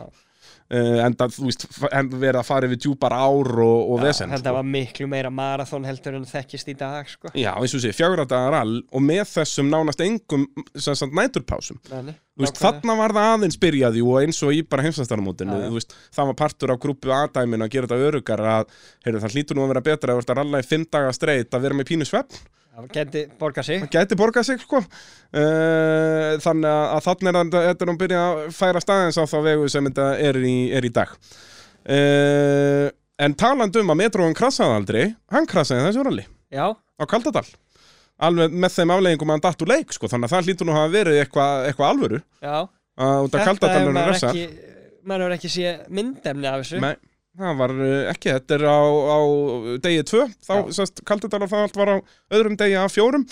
Og þar verða áskjör og bræði frá að hverfa og þá náttúrulega voru Rúnar Jón bara í kjörstöðu, þarna eru þeir með nokkuð góða fórustu á ríkjandi Íslandsmeistaranna bílbóta, Eh, bílbótabræður. Já, bílbótabræður, Ólaf og, og Halldór Sigurjónsinni uh, og, og Ólafur og Halldór eru þarna bara ekki að keira já pratt og er gerða árað undan eru bara uh, með minni peninga og kannski minna undirbúnir og annað. Akkurat sko, eru bara að keira bara- á það. eða bara voru að keira nákvæmlega jafnfrætt en hinn er hraðar. Það geti líka verið það sko að Rúnar náttúrulega komið miklu betri tök á, á eskortinum. Uh, Þannig að já, Rúnar og Jón í bara kjörstöðu og þurfa bara að klára hérna tvo daga áfallalaust uh, En svo fara þeir uh, inn á Dómadal á lokadegi kemnar og uh, þar sagði mótorinn bless. Það byrjar að vera eitthvað aflaus og svo hrinur olíuþrýstingur og þeir stoppa bara á þess á þeir að skemma meira. Og þeir viss alveg að þetta var tæft, sérst mótorinn var búinn að fara í heljarinnar yfirhelningu í Bretlandi búið að borga alla peningana fyrir það. Og svo sjá þeir það strax bara fyrir rallið, byrjun á rallinu að headpackningin er ekki nógu góð, hún er bara annarkvort þá, já, úr lélegra efni eða eitthvað svoleiðis og ég veit ekki hvernig þeir sá þetta, hvort það var, hún var að leka smá eða eitthvað, ég veit það ekki. Það getur verið að hefur verið að blandast eitthvað vatn út í eða eitthvað. Já, uh, en það er sérst ef eitthvað verið tæft sko. Og headbangin hjá þeim fer þarna á uh, að loka degi keppnar eins og við segið, dómendalurinn, þú veist, þetta var ábygglega þriðja, fjórða síðasta leið, eitthvað svo leiðis Var þetta ekki bara titillinn eða hefur komist í mark? Jú, þarna er, ég veit ekki hvort það voru tvöföld 40 stig, Nei, maður veit það ekki. Jú, það lítur nú að hafa verið eitthvað meiri stig. 1,5 eða tvöfalt myndi, ég held að hreinlega tvöfalt, það voru ekki 40 steg þarna, sko. Getur meiri verið sko. Þannig að, jú, þeir hefur verið langt komið titilin þarna. Með öskur að braga dottin úr leik, það voru bara 10 steg á millið þeirra fyrir þessa keppni. Uh, Rúnar Jón í hag, skilur, þannig að ef þeir hefur verið komið 50 steg af fórskot, Já, að þá er titilin, jú, þann hafði verið komin, af það eru bara 40 steg í pottinum eftir þetta. En í staðin, helst staðan eins, að það eru 10 Allt steg á, á, á millið þessar áhafna. Og Ólafur og Haldur Sigurðunsinnir sildu þá sigrinum í höfn sem hafði bara verið annarsætti þarna fyrir dómadalinn. En uh, ná þá uh, sigri þarna í ralli og þetta er þeirra síðasti sigur í ralli á Íslandi. Já, þeir hætta þarna bara í skömmu eftir þetta Í sko. loka árs eða eitthvað Já, hvað nei, síðan kom hann ekki eitthvað á Runo og eitthvað Jú, jú, Óli sko Með garðari Já, með gæja. garðari Já. sko en hérna, já, sem þeir, þeir, sem áhöfn held ég að þetta hafi verið ég bara með þeim síðasta síðasti sko. dansinn sko Já, ég hugsa það hérna, og svo náttúrulega byrja bara Henning að keppa þarna síðar meir sko Einmitt. Uh, nú í öðru seti í keppninu voru skagamenninur Þröstur Einarsson og Viktor Sigurgeirsson sem eru nú, já ekki, þetta er ekki nöfn sem ég þekki Nei, Ég- ég ætla bara að segja það. þú þekkir bílinn sem þau voru á Hann var nú í hlaðinu heima hjá okkur þegar þú varst nýfættur Já, var það eskortin sem að pappi kefti? Já, já Það er Þetta svoleiðis. er EK eitthvað var nummer á honum, þetta er sá, sá eskort Þetta er MK2 Escort sem þeir verið að keppa á í tvö ár, byrjuð held ég Já, var byrjun alltaf- 80, eða gott þið tók ekki bara skagarallið 88 og svo full season 89 Það var alltaf blár með svona gulum mjóum röndum eitthvað hinga og þanga Akkurat, sko, hipp og cool uh, bíl og þetta var þeirra langbesti árangur á ferlinum annars endið þeir í, voru, í nú alltaf, komoralli þeir voru alltaf segir, þeir voru svona svolítið að keppa bara á standardbíl á móti þessu stóru köllum. Já, þeir, þetta var ekki RS bíl, skilur, þetta er ekki 280 stöfli, þetta var meira svona type 200 Já, minna, ég hlusta á hann hafa viðtal við hann hann í næturlíðinu í þessu ralli sem við tölum um áðan hann Já, og hann held að það væri nú bara eitthvað náland 150-60 hestöflum sko. akkurat, akkurat. Þannig að það, er, það munar um það og afturdrifið náttúrulega og svona. En það var skemmtilega saga hjá þeim í, í komorallinu því að upp á kýli að þá sagt, losnaði vaskassin og fer í viftuna og viftan bara spaðar vaskassan Já, Þannig að hann fyrir að mjög lenga og þá voru góður á dýr. Heyrðu, þá voru ykkur áhöröndur hann upp á gili sem að áttu 1,5 lítur af sínalkó og uh, nokkra kassa af kókomjölk steinlegur það var góð blanda af, af sínalkó og kókomjölk sett á, á vaskassan það hefur verið mjög hugulegt að tappa þeir, þeirri blöndu af. Já, það er svona strákar, hvaða fróðslegu eru það að nota? Það er bara klói, það er bara glói. Djöfulli gott það sko. gefur kraft. Já, þetta er náttúrulega líka þegar þeir voru með feita klóa, klóa á, á kókamjölkinu Já, sko. þetta er áður en að var vók áður en hann var vók og fór í ræktina sko. uh, En þeir náðu að klára með sínalkó og kókamjölk á, á vaskasannum sem er, sem er mikið gott. Og svo verið náttúrulega henda í sjátt á okkar allra besta maturittlumann uh, Úlfar Eistensson uh, Hann endaði í sjötta og síðasta sæti á Sjáralet Kamaró. Já, þeir Hann, keftu þarna hann og Guðmundur tíu T. Tré Já, já, Gíslason.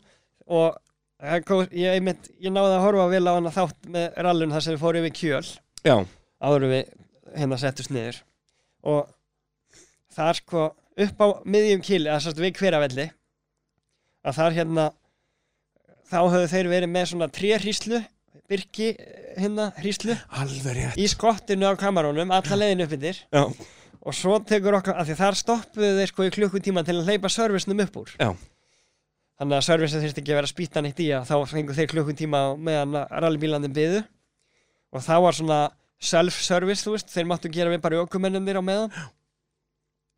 En Úli og, og Guðmundur 3 þeir þurfti ekkert að gera við kamaróin þannig að þeir fórum bara í það að gróðusetja þessa byrkirhíslu og Ó, þetta er svo og þetta lítur að vera þetta er öruglega að vera ágætis er allir tríðhann upp á hverjavöllum í dag Ég myndi halda það, þetta er, uh, hvað, orðið 34 ára gamalt? Já, Þannig að það hlýtur að vera komin alveg stærði Þetta. Var þetta, fó- se- settu þetta niður með rótum og öllum pakkanum? Já, já, þetta Auðvitað, trémaðurinn klikkar og sinn svo, kom, svo sá ég hann að Ásgeir Sigursson kom hann að við vandi með blauta tusku og, og vatn yfir og, og að vökvaði blómið og, og svo heldu, heldu nú hetjunan á stað á kamarunum. Já, og á þverjafjallinu stoppaði hann akkurat fyrir fram að myndavélina. Já, og þetta var svona þeim ára, það er mjög gaman að sjá sko viðtölun eftir leiða sko þeir sem eru svona steingrimur og feðgarnir og ásker og svona þeir eru í svona flottum einhverju rallygöllum. Með derhúuna og svona Svo- beinir í baki. Svo koma næstu gæja sko þeir eru bara í hérna kúrikaskirtunum og skítuðu gallaböksunum og, yep. og hérna Í orginal stólunum, skilur Já, og bara, þú veist, þetta var vissulega fjóra punta belti og verkefúr en hérna koma Úli Eisteins og, og Guðmundur stoppa beint fyrir framann, framann hérna myndavélina. Brotin kveikjuhamar þetta var allt í skrúinu sko hérna mótornum var allir gengin aftur hann að kveikjuhamarinn gekk aftur í eða, veist, Bara kominn rakst aftan í bara. rakst eitthvað megin í og þetta var alltaf hrinni undan bílnum og eitthvað þá fór hann Guðmundur að gramsa í, í, í vössunum á, á vinnugallan sem hann var í sem keppnisbúning þar fann hann einhverja, einhverja bodyskrúu hún var notuð til að mixa hérna kveikjuloki fast og Já. hann purraði nýra á söðakrók og komst í servis Já, mikið gott, mikið gott. Þetta er, er alvöru karakterar, það er nú bara svo leiðis uh, Nú, uh, fintaralli, það fór fram í uh, Borgarfyrði Það er nú bara svo leiðis Og uh,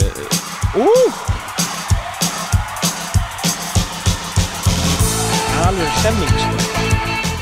Það þýðir ekkert annað en greifarnir. Þetta var nú önnur stór plata sem kom út þetta árið. Já, þannig var Felix Persson eða þá í greifunum. Að gera gott mót, sko, með þygt og fallið þár en nei.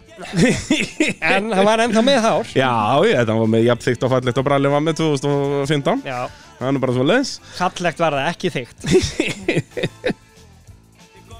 Ekki til að sofa Í tjaldi verðið ekki ein. Gjöri skal ég ykkur lofa á því næsta stein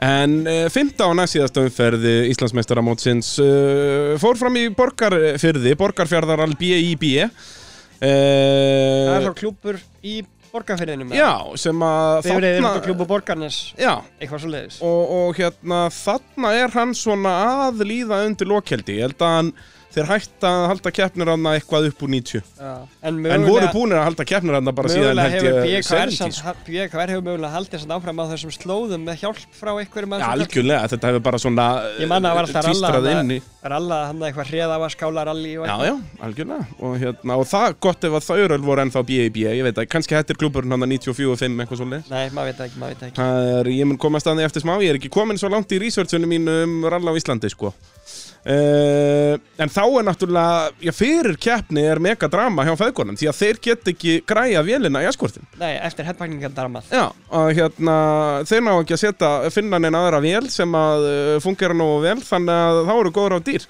Þannig að þeir heyra í uh, bílbótarbræðrum uh, og það var ekkert plani á þeim að keppa meira, skilu voru bara að vinna kúmarallið og, Last og Dance, enda á topnum nákvæmlega, uh, þannig að jújú, jú, fáið bara talbót Lotus Sunbeamin lánaðan og það kann þið bara gegjað, heyrðu, fara að prófa hann eitthvað. Þá fyrir vélinn í honum tveimur dögum fyrir keppni.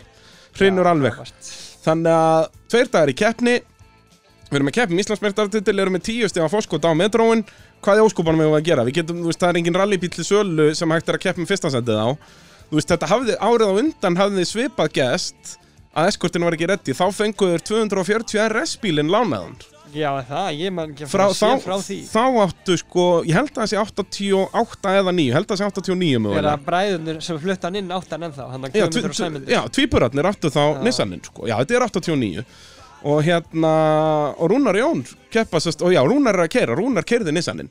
Uh, En núna var ekkert fleiri opsjónar í búið Það eru tveir dagar í keppni og, og ekki hægt að fá neitt lánað, ekkert á lausu Þannig að þá fer Jón bara á, á bílasölunar uh, eða bílasöluna sína, ég veit nú ekki hvort hann kefti þetta sjálfum sér eða öðrum og finnur eina svona möstu 323 uh, turbo, út af þetta voru þarna einhver rúm 200 hestöfl Þetta, hafi, þetta var svona Subaru Impreza Vaffer X þessa tíma. Já, basically, þú veist, þetta fór alveg eitthvað áfram Var með fjórhjóladrif, þú veist Var kannski örlítið hægara en eskortin En, en við höfum alveg séð það í rallinu Að það var hægt að koma þessum bílum áfram. Eh. Hérna Átni og Sæmi ljósmyndari Þeir voru á svona bíl Birgir Veðar Halldórsson var á svona bíl Já, Og var alltaf í veluna sendum, sko. Þannig að þeir fara þarna á tveimur sólarhingum Á samt öllu sínu teimi að- sjóði þetta veltibúr Og þú veist, þetta var ekki rallybíl sem þeim keftu Keftu bara gödubíl já, Þannig að hann bara strýpa öll teppi og drastlúrisus Fleia það veltibúri í nöðsynlegt, var þetta. þetta ekki með með teppanum bara í? Jú, þú veist, Eh, það sjálf þá? En þú veist, jú, þeir sátu í orginal stólunum Og það var bara fjóra punta belti Þú veist, ég, þeir eru að koma inn í servis í síðastarallinu sé ég að þeir eru bara í orginal Þú veist, jú, þetta voru eitthvað svona sportstólar skilur. Uh, en uh, já, rúla uh, græja þennan bíl á tveimur sólarhingum bara og það var bara vaktir hjá, hjá servisliðinu þeirra bara að græja þetta. Og þetta tók bara, þú veist, síðan þurftu þeirra setja hljóta- einhverja fjöðrun undir þetta, þetta var að að Þú veist, Jón orða þetta þannig, þarna náttúrulega er Jón að lýsa þáttunum. Það er mjög fyndið Já, að heyra að já. hann talar um sjálfa sig í þriðu personu sko. Þannig að hann segir alltaf já og þarna koma Rúnar Jónsson og Jón Rúnar Ragnarsson og þeir náðu tímanum 13.42 Það var nefnilega þetta fyrstu þættinu, þar er byggi og svo hefur það skipst eitthvað. Nei, þú veist, ég held að Byggi bara vildi þetta, þú veist, vildi blanda þessu, þú veist, Jón var líka að lýsa torfæri Já, og ég horfði mitt á einu torfærakefni koma því á eftir sem, a, sem, a sem að Jón, er að lýsa, sko. akkurat, og hérna, Ég áttaði mig ekki á því fyrst hvort það væri Jón og Ómar, ég held að hafi nú verið Jón. Það var Jón, en hérna, já, þeir voru eitthvað að deila lótinu þarna, uh, en afskaplega dabrið þættir, þetta, uh, þú veist, engin svona, það er ekki verið að segja neina sögu, það var bara síndur, síndar allar klippurnar sem Já. bara náðust í réttri röð og svo bara, já, þetta er bíl nummer 7 og hann á þessum Já, tíma. já. bara hérna, byggja átti nú heldur betur eftir að rífa sig í gangi þáttagerðinu þarna en, en hann var ekki alveg kominn á, á Nei, var, það, voru, þarna það voru samt svona alveg punktar í þessu, veist, það voru skemmtileg viðtöl og, Já, já, það vantaði mér fast vanta meira í torfærina að viðtölum Já, Ég náði var- ekki að horfa eins mikið og ég horfði á einhverja tvær, eða svona þrjár, fjóra keppnir af því ég náði ekki að horfa alveg eins. En í rallinu var það út af það náttúrulega var þeirra bakgrunnur Ólafur Guðmunds og Birgir Þór og allir þeir kom allir úr rallinu sko. Algjörlega. uh, en, en hvað um það? Við Þeir erum að eru tala um með möstuna hann á ráslínu Þeir eru komið mestunar áslínu uh, og ná öðru sætinu, Áskjöru Bragi vinna tiltullaugruglega en, en uh, Mastan síndi sér samt alveg þarna að hún var bara ábygglega á pari við eskortin, þú veist á sumum leiðum sennilega annars þetta er, þessi, þetta er þá þessi hvíta sem að fekk svo texakomerkingar og svona. Já, Þannig er hún komið með texakomerkingar. þetta er bara svo Já, já, þú veist, ennþá bara með svörtu orginal hérna og- út um allt Já. listunum, sko. En hérna, já, komið með texakom-merkingar og, og þetta er svo texakom-astan sem að einhverjir þekkja Uh, og þá er staðan fyrir loka umferðin orðin ansi spennandi. Rúnar Jón leiða en þá mótið, fengu þarna 15 stig gegn 20 stigum Áskers og Braga. Þannig að Rúnar Jón eru með 65 stig, Ásker og Bragi með 60 sem þýðir bara að svo áhöfn sem að vinnur síðustu keppnina verður Íslandsmeistari Já, og ef það er þetta báður út eða eitthvað þá náttúrulega vinna Rúnar Jón en Rúnar Jón vinna ekki á jöfnu það nægir Ásker og Braga. þeir vinna fyrstu keppnina á metrónum. Já, og eru búin að vinna fleiri keppnir þá líka sko. Veist, þannig ef Ásker og Bragi vinna og Rúnar Jón er í öðru þá enda er báðir Já, með já. 80 stig Já. og þá vinna Ásker og Bragi. Þannig að þetta er bara algjört einvíi í lokakeppninni. Það er bara svo leis Uh, og lokakeppnin er Armstrongal hjólbararhallarinnar, haldið að býja hvað er þarna voru þeir Birgir og, heitir hann ekki Gunnar Vaksson bróður hans? Uh, Birgir Vaksson og Birgir og Gunnar Vaksin er það ekki Jú, gott ef ekki Allavega, já, Birgir Vaksson hann var hérna yfirleitt ökumæður maður mann kannski betur eftir honum Já. og, og þannig eru þeir búin að vera síðust ár bara ótrúlega duglegir að styrkja Íslands rall Já, það var, þú veist, og undanfarn ár er þetta eins og þarna, þeir sponsi yfirleitt tvær keppnir sko. Mhm. og, og hvað heitir fyrirtækið? hjólbarðarhöllin Hjólbarað höllin já, já, já, Þetta er ekki eitthvað pitstop Nei, eða, þú veist, next eða eitthvað svona, þetta er bara stránkæðalegt bara upp í ármólanum grjótarðir Uh, en þetta var svona basic, þetta var sunnudagsrall þetta er alveg í lok oktober, ég held að þetta sé Já. haldið sko 29. oktober og þarna var þetta mjög oft annað, hauströllin voru það var oft verið að reyna að ná þessu sem snjóröllum sko. Já, já, sem er góð pæling. Það er gaman, sko, þú veist, þetta er pínu vesen á Íslandi að þú myndir alltaf, ef það Þú ert bara alveg kortir í að vera í ófærið Já, Skilur við? þú ert að dansa á línu sem að þú myndir en aldrei fá góðar aðstæðar annarkvort er engin snjór eða of mikill En snjór ég sá samt sko, það ég veit ekki hvort það hafi verið keppni úr Íslandsmóti eða, eða eitthvað sprettralli eða eitthvað æfingakeppni. Svona þáttur fyrir tímabili 90 þá að vera að sína úr síðustu Já, það er haustaralli 89 það er bara perfekt. Já, það var bara það er bara hvítt en, en fært. Já, þetta er þarna fræga keppnin sem að hérna, Pallaldur Halldórsson talar oft um út að það- Jón Ragnar sagði það í, í viðtali fyrir keppnin að hann hafi trúað þessum Páli Halldóri sem var þá þannig nýr út að hann Já. er á Subaru 1800 Turbo. Já. uh, og Palli, ég held að hann hafi náð 5-7 sendi eitthvað Já. svo leiðis þarna voru menn sko bara hendur allir dekkjónum bara í servicebílun og settum bara nagladekk undir bara götu nagladekk Já. bara uh, hérna, stránkæðilegt. Ef ykkur hafi mætt á rally nagladekkjum hann var alveg sama ákveða bíl hann hafi verið hann hafi pakkað þessu. Hugsanlega sko. Bara þú hafi getað mætt á starlett á ef þú hafi verið á þannig nagladekkjum að þú, þú bara Já, það ég geta látið hann bara Já, ef þú hafði treyst því, skilur Já, ef þú hafði treyst gripinu sem það væri að gefa þér svona. algjörlega. Algjörlega. Uh, En já, sunnundasrall uh, Tildulega basic tímumestir Það var bara tröllháls fram og tilbaka Sest allur tröllhálsinn Þannig að það er alveg Hvað er þetta, 20 km leið? Eitthvað svo leiðis Rallað alveg að Kaldadal Já, Og ábyggilega yfir meyjasætið Alveg niður bóla básörglega sko. Já, þú veist, þannig að Já, þetta er ábyggilega 20-25 km Já, sjálfsagt sko. Fram og tilbaka, svo er það Lingdalsiði fram og tilbaka. Já. Svo, eins og öllum örum röllum Þurfti að skvísin innan bæðalið Heyrðu, þá var sk skotast upp í skútuvók eins og við nefndum aðan Já, Geggjað. og hérna, þar var bara svona stór grunnur átt að fara að byggja eitthvað hús, ég veit ekki nákvæmlega hvað þetta er. Nei, en hérna, þetta er eitthvað á stóru húsunum sem bara standaðan en þá sko Já, 100%, þarna var verið að byggja eitthvað af þeim. En uh, eitthvað sem nú verið að rífa aftur núna? Akkurat, það var spurning hvort að við getum nýtt okkur það bara allir reykja okkar næsta ári. En þarna, þetta var bara 1,5 km, þú veist, akstustími voru 57 sekundur Já. og þetta var bara svona einhver hossur, það var bara búið að búa til braut með bara þetta er bara alltaf sumt sem að þarf í svona. Já, já, en þú veist, þetta er á og þetta er helgarinn að vinna. Ég veit það. En, en þessi vinna skila sér. Það er bara Þetta svona er bara eins og, eins og var í, í fyrra í alþjóðaralinu Það var Já. bara einmitt svona mín og dagstustími Já, og það skiptir það. engu máli. Nei, þetta, er- það, það náttúrulega, það kom bara fólk að horfa á bara gaman sko. Bara stemming. Og þarna var þetta þannig og einmitt í skútuvogi og svo var servisli strax eftir þetta. Þetta er bara sama uppskrift og við, við þekkjum.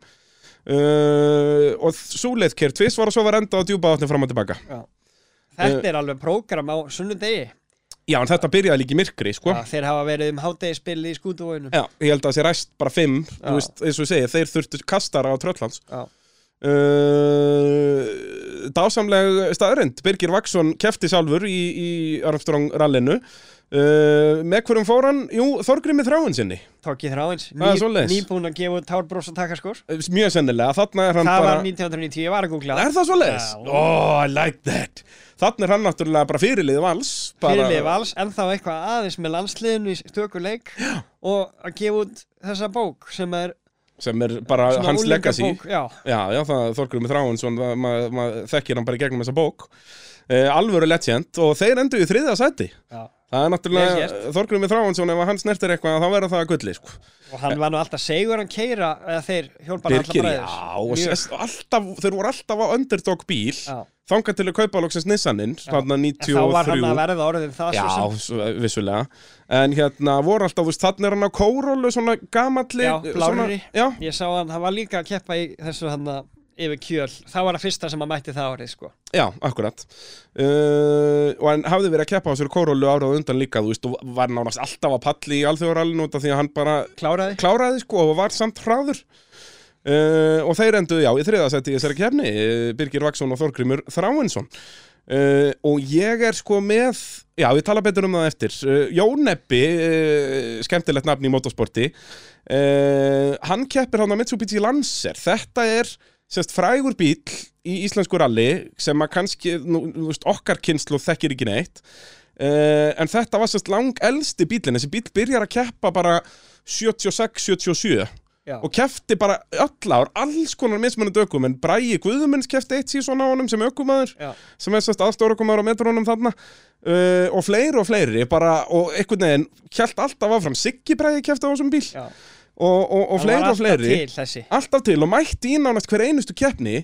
Og þarna sérst endastingur Jónebónum og þetta er síðasta keppni sem við sáum hann um bíli. Já, Uh, þarna loksins stóð landsherrin sem hafi verið talað um að uh, hefði alltaf verið að löngu döður bara 85 sko. uh, en, en þetta var síðasta keppni fræga uh, rally landsherrsins uh, Förum þá í uh, keppnina. Uh, Rúnar Jón, þeir voru hraðastir á Tröllhals á uh, hérna, fyrstu tveimur leiðunum. Já, á möstunni. Uh, voru hraðari en metróin bara fer en skveri í fyrstu ferð. Uh, síðan gera Rúnar Jón smá mistök fara pínu út af, bara eiginlega strax í fyrstu begja og tröllhals tilbaka. Uh, en það fór verð hjá þeim metróbræðurum því að húttið fíkur upp hjá þeim í ræsingu Ah. og þeir þurfa að hlaupa út og loka húttinu og rúðuþurkunar verða einhvern veginn undir. Þannig að þeir voru rúðuþurkuleysir allan tröllhalsin Viðrúr. Já, þarna, þarna tapa þeir einhverjum, sko samtals eftir þessar fyrstu tvær leiðir voru orðin 40 sekundum á eftir. Já, Þannig að, uh, já, það það þurfti að fara að taka á því. Það þurfti að fara að taka á því. Lyngdalsiði næst og þá svo sannarlega svöruður fyrir sig. Ná Íslandsmeti fram og tilbaka uh, 7.27 uh, á þriðjuleiðinni uh, veit ekki tíman tilbaka en tóku sér 10 sekundur í sikkur ferðinni. Þannig að tóku strax 20 af þessum 40 tilbaka bara á Lyngdalsiðinni Já. og þarna á eftir ralla djúpavatn og djúpavatni var alla sérst djúpavatn Ísaskáli Já, og bara svona Það var leið fyrir metróin Frekar en língdalsiðin Já, þú veist, teknilega ættu, þú veist Jú, já, það er náttúrulega meira afl Þannig að Já, ert- hendar alveg líka Já, en, þú ert oftar að koma upp úr hægu í hratt á djúbáðni sko. Já, og bara short wheelbase og bara, Já, þú Á veist. Língdalsiðin ertu bara komin á hraða og ert bara í flæði og, og þess vegna náður Rúnar Jóna að minka damageið svolítið þar. Uh, Svo uh, á þessari stöttu leið í skútuvóginum að þá taka áskjör á bræðin bara sikkvara sekunduna í sikkvara ferðina. Það var sami tími hjá þeim báðum í báðum ferðum 57 og 56 uh, og hver fór með Rúnar Jóni uh, Rúnar Jónsinni, það var Valtarinn. Köngurinn. Það er svoleiðis, Valtýr Björn, Valtýrsson, uh, íþróttafréttamaður, hann er hann á bylgjunni. Hann fór með, með rúnari ferðir þarna og ég held sko út að ég hef nú fengið þann heiður að vinna með Valtarannum. Uh, og hann talar alltaf um það að sérst, mesti ótti sem hann hefur fundið fyrir á lífstíðinni eða þegar hann var plataður sem starfsmæða bylgjunar að fara upp í rallybíl á Lyngdalsiði Já. og hann veit ekki hvaða bíl hann fór upp í hann man ekki hvaða típa þetta var eða hver var að keira hann uh, en hann, það sem gerir þetta á Lyngdalsiðinni þú þú þekki brúna litlu einbröðu brúna á Lyngdalsiði Já, það kemur, kemur ekki vinstri bega fyrir hana ef þú ert á leiðin að lögavatni jú. Og þeir sérst fara og frætt í þessa Nei, beigju þú ekki hún til hægri hægri, já, já, já. Í þessa hægri beigju fara þér á hratt fara út af vinstra megin og hitta ekki á brúna. Röra yfir árbakkan, þú veist, þetta er bara skurður þetta er ekki á í þessu lengur. Nei, nei. uh, röra yfir það, allt í klessu upp á veg aftur og klára leiðina og Valtarinn var þannig beinn útsendingu á bylgjunni að bara, já, við erum að gera ógislega rætt. Og svo, svo bara öskur og bara það held allir upp á bylgju að hann væri döður út af síðan fór hann bara í panikatakk og saði ekki neitt. Bara, og hann segir ennþá þetta, þetta er bara vesta upplifun sem hann er nokkuð tíman lendi í. Og ég heyrði í honum áðan og, og var reyna út að ég er handrið sem að þetta sé þá í þessu ralli Þannig að hann fengi far með ykkur um á Lyngdalseiði út að hann er ekki skráður í kefna, ég skoðaði ráslistan Já, ég skil þig, ég skil þig. En miðan við hann fór þarna þessa innanbæðileg þá er spurning hvort hann hafi tekið, þú veist, mín kenning var hvort hann hafi tekið sæti Þorgrinn Þráinssonar til dæmis. Hann kannaðist ekki við það en sagðarlega að það gæti verið, sko, hann hafi farið þá í kórólinu með Birgi En ég bara, ég óskaði eftir upplýsingum um þetta. Kannast einhver við að fara, hafa farið með valtaranum Lyngdalseiðina og ekki hitt á brúnna. Það hlýtur einhver að mun eftir þessu. Því að valtarinn, uh, það var Hann man þetta. Já, hann man að þetta gerðist en ekkert meir, sko. þetta var alveg þing á þessum árum að vera með útvarsmenn live Í beinni, já, í stuttum leiðum. Algjörlega, þetta var oft í og Valtarinn var oftast fyrir valinu. Að sjálfsögðu, ég menna eh, King Valtarinn, Já, það er nú bara svoleiðis. Þannig að hann var, eh, fór, fór með rúnari þarna get ég staðfest en ég veit ennþá ekki með hverjum hann fór og hann veit það sjálfur heldur ekki á Lyngdalsegi og hvort það var í þessari keppni já, hvort það var í, þú veist, það gæti verið að það var ekki við þessari keppnu, það með við hvernig hann lýsir þessu, þá hafði hann verið bara stjarfur og hafði ekki viljað sjá það að fara upp í einhverja möstu þarna í skútuvóginum Nákvæmlega. En uh, hver veit, uh, förum aftur í slægin, það eru tvær ferðir eftir um djúpavatn í Ísaskóla, það er þá hann þú veist, akstustími þarna eru cirka 18 mínútur, þú veist, þetta er sérst, ekki farið að Grindavík, heldur eins og þetta er, hefur verið ralla núna, það er farið að kirkjunni Já, keirt- það er keirt djúpavatnið og byggt svo til vinstri, ef þú ert að gera djúpavatni að Grindavík, er kert til vinstri inn á, á Ísaskóla. Það er aldrei byggt niður eftir í áttina Að Grindavík. Grindavík. Og uh, tími þeirra Rúnars og Jóns á uh, þessari sjöundu sérleið, næst síðustu sérleið, 18 mínútur og 11 sekundur. Metróbræður, 17 mínútur og 32, taka 39 sekundur af Rúnar og Jóni og eru þá komin upp í fyrsta setið, uh, eru þá komin tæpar 20 sekundur í fórskott fyrir síðustu leið. Uh, Rúnar talaði um það að hann hafi mögulega kert aðeins svo hægt, hann vissi alveg að hann gæti ekki betur á því. En hann hefur verið Og- smeykur líka bara um Þú veist, ef þetta hefur verið gróft og kla, klappótt Akkurat, og sko og eins og þú segið, fjörunin í þessum bíl þetta var ég, ég held að þetta hef ekki verið eitthvað bilstandæmi, ég held að þetta sé meira bara eitthvað sett stífari gormar Já. í einhverja sportfjörun, skiluru Já, Þetta hefur verið eitthvað svona bara last minute. Já, að, hérna, og þó þú veist, þetta er svo sem önnur keppniður á Já, þessum bíl. það er enda rétt. Að, Það kannski hérna- hafa verið búin að fá eitthvað. bara Stengri með- vil geta hafa hjálpað þeim að finna eitthvað. Hann var- eitthvað bilstæn, þú veist, eins og á þessari leið þannig skútuvóginum, þetta var mikið hopp og skopp og eitthvað, Já. mér fannst þetta ekki lítið út eins og eitthvað bilstæn, Rally fjörun já, mér fannst þetta meira að vera eitthvað svona, kannski já, eins og STI fjörun í dag, skilur, þetta er eitthvað svona sportbíla fjörun með stífari gormum með eitthvað þannig. En, en jú, jú, bílinn fjæðra alveg vel og þeir, þeir endust allavega á temparinnir, hann var ekki, var ekki að springa, skiluru. En já, Rúnar vissi að hann átti eitthvað inni og, og tekur það bara ennþá á því, það er allt eða ekkert, þú veist, annarsætti, já, og annarsætti gefur hann mikið neitt, skiluru. Uh, nema hvað, að á, sem sagt, þá er þarna, nei, heyrðu, já, þetta var ekki fram og tilbaka, þetta var alveg í sömu átt í bæðiskipti. tekið Kleifavatnið er ferjuleið, Já. skilur uh, Og þetta er sérst á Ísvarskálanum Þannig að bara undir lok síðustu sérleðar á tímabilinu Keira Rúnar og Jón uh, Nei, Rúnar og Jón er á undan í rásröð Þannig að, að nei, það hefur verið endurraðið í hátegi Já. Út að þeir keira framhjá Já. Áskjör og Braga Þá eru þeir stopp út í kanti Búnir að krassa bílum aðeins Já, svona krassa út í kant. Lent út í kant, já. Að þá sem þetta er það sem gerðist er að það fer hjá þeim uh, bensíndæla og uh, þeir svona reyna að bjarga þessu eitthvað, heyrum í þeim. Jú, við heldum að vera með þetta í hend okkar. Svo allt í einu þá fyrir bílinn að fúska. Það er síðan alveg út þá er bensíndælan bílut og reynda veljum við okkur svona með því að að rekast út í kant í fátinu. Þau voru svona að reyna að leita bílinn og keira líka. Og náttúrulega við óskum Íslandsmeisturunum hjartalega til hamingju með, með, með titilinn. Það var bara tímið til komin að skipta við strákina og búin að vera svo lengi með Jón. aðstofamaður og við varum búin að vinna þá titla sem að hægt var að vinna með genginu eins og var þá, ég keirandi og hann sem aðstofarökumadur. Það var hann með Íslandsmeistaratitlið þrýstar í röð og þá var hans tími kominn. Og hans framtíð er jú bjartari. hann er á leiðin upp, ég kannski niður. Og þannig fórum sjóferð þá. Og Jónan tala um að sé á leiðinni niður hann að góð tíu ár eftir á toppinum. Já, það er, Jón er kannski af leiðinni niður sem ökumæður Já, sem komum ok, við gefum hann það. En þarna vinna þeir sem sagt titilinn, Rúnar Jón, uh, Rúnar að vinna hann í fjórða skiptið en í fyrsta skiptið sem ökumæður og Jón að vinna sinn áttunda titil. Og eins og segi, þannig eru þeir að byrja sko. Hann er verið að byrja. Og þetta var samt samtals tólti titillinn í, þessum, í þessar áhöfn. Já. Þannig að, uh, jú, ágætis árangur myndi ég að segja Og meir um það síðar. Og meir um það síðar, það er nú svolítið svoleiðis. Uh, Þó að þeir þurftu nú að uh, Já, það var ekki fyrir en hvað 94 sem þeir vinna titilin aftur? Já. uh, En já, við fjöllum betur um það í, í næsta söguhotni með, með, með þessu sniði.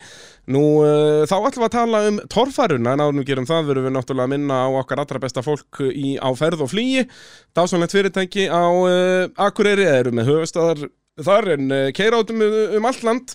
Eru mikið að keira Reykjavík Akureyri en, en svo uh, taka er öll, svona, öllum sérverkefnum með opnum örmum. Eru til dæmis með eina svona sérhæfða bílinn sem að flyttur báta. Já, vagnin í það. Við erum með sér, sérvagn í það þannig að það fyrir nú að styttast í, í, í strandviði tímabilið núna þegar tekur að vorra þannig ef það þarf að fara að sjósetta báta þá heyrið þið bara í á ferð og flýi og svo náttúrulega er að flytja þær allan anskotan uh, þið þekkið þess að nöfna þekkið þessa frasa. Þetta er ekki, ekki flókin starffræði en uh, þá skulum við tala um uh, torfaruna Magnús því að þetta það voru ekki bara fréttir í rallinu um nýja og skemmtilega bíla. Ekki aldrei leis Átni Kópsson þarna ríkjandi Íslandsmeistari á já, nýju heimasætunni sem hann smíðaði fyrir uh, 89 tímabili Heima sætu eitt þá. Heimasætu 2, eitt Já, er eitt Ísusúin Já, já, já. Uh, En hún var ekki nógu góð Þannig að hann smíðaði algjörlega nýja heimasætu og núna með alvöru body og, og ég veit ekki hvað og bara eitthvað bara, fallegasti torfæri Hann bílsögur bara kom torfærinu inn í nútíman með þessari smíði það er svolítið svo leiðis það er eitthvað sem að síðan Halli P. endur tók 99 í Já. rauninni það eru, að mínum að þetta eru þessi tvö stærstu skref Já. Að jú, jú, menn voru byrjaðir þú veist, heimasæta 2 er ekki fyrsti, grind, fyrsta grindin. Nei, nei, þetta var En- bara tekið alla leið. Já, bara, þú veist, Michael Í Jackson er ekki fyrsti til að moonwalka Nei. en hann perfektaði það, Já. þú veist. Þetta er bara alveg sama program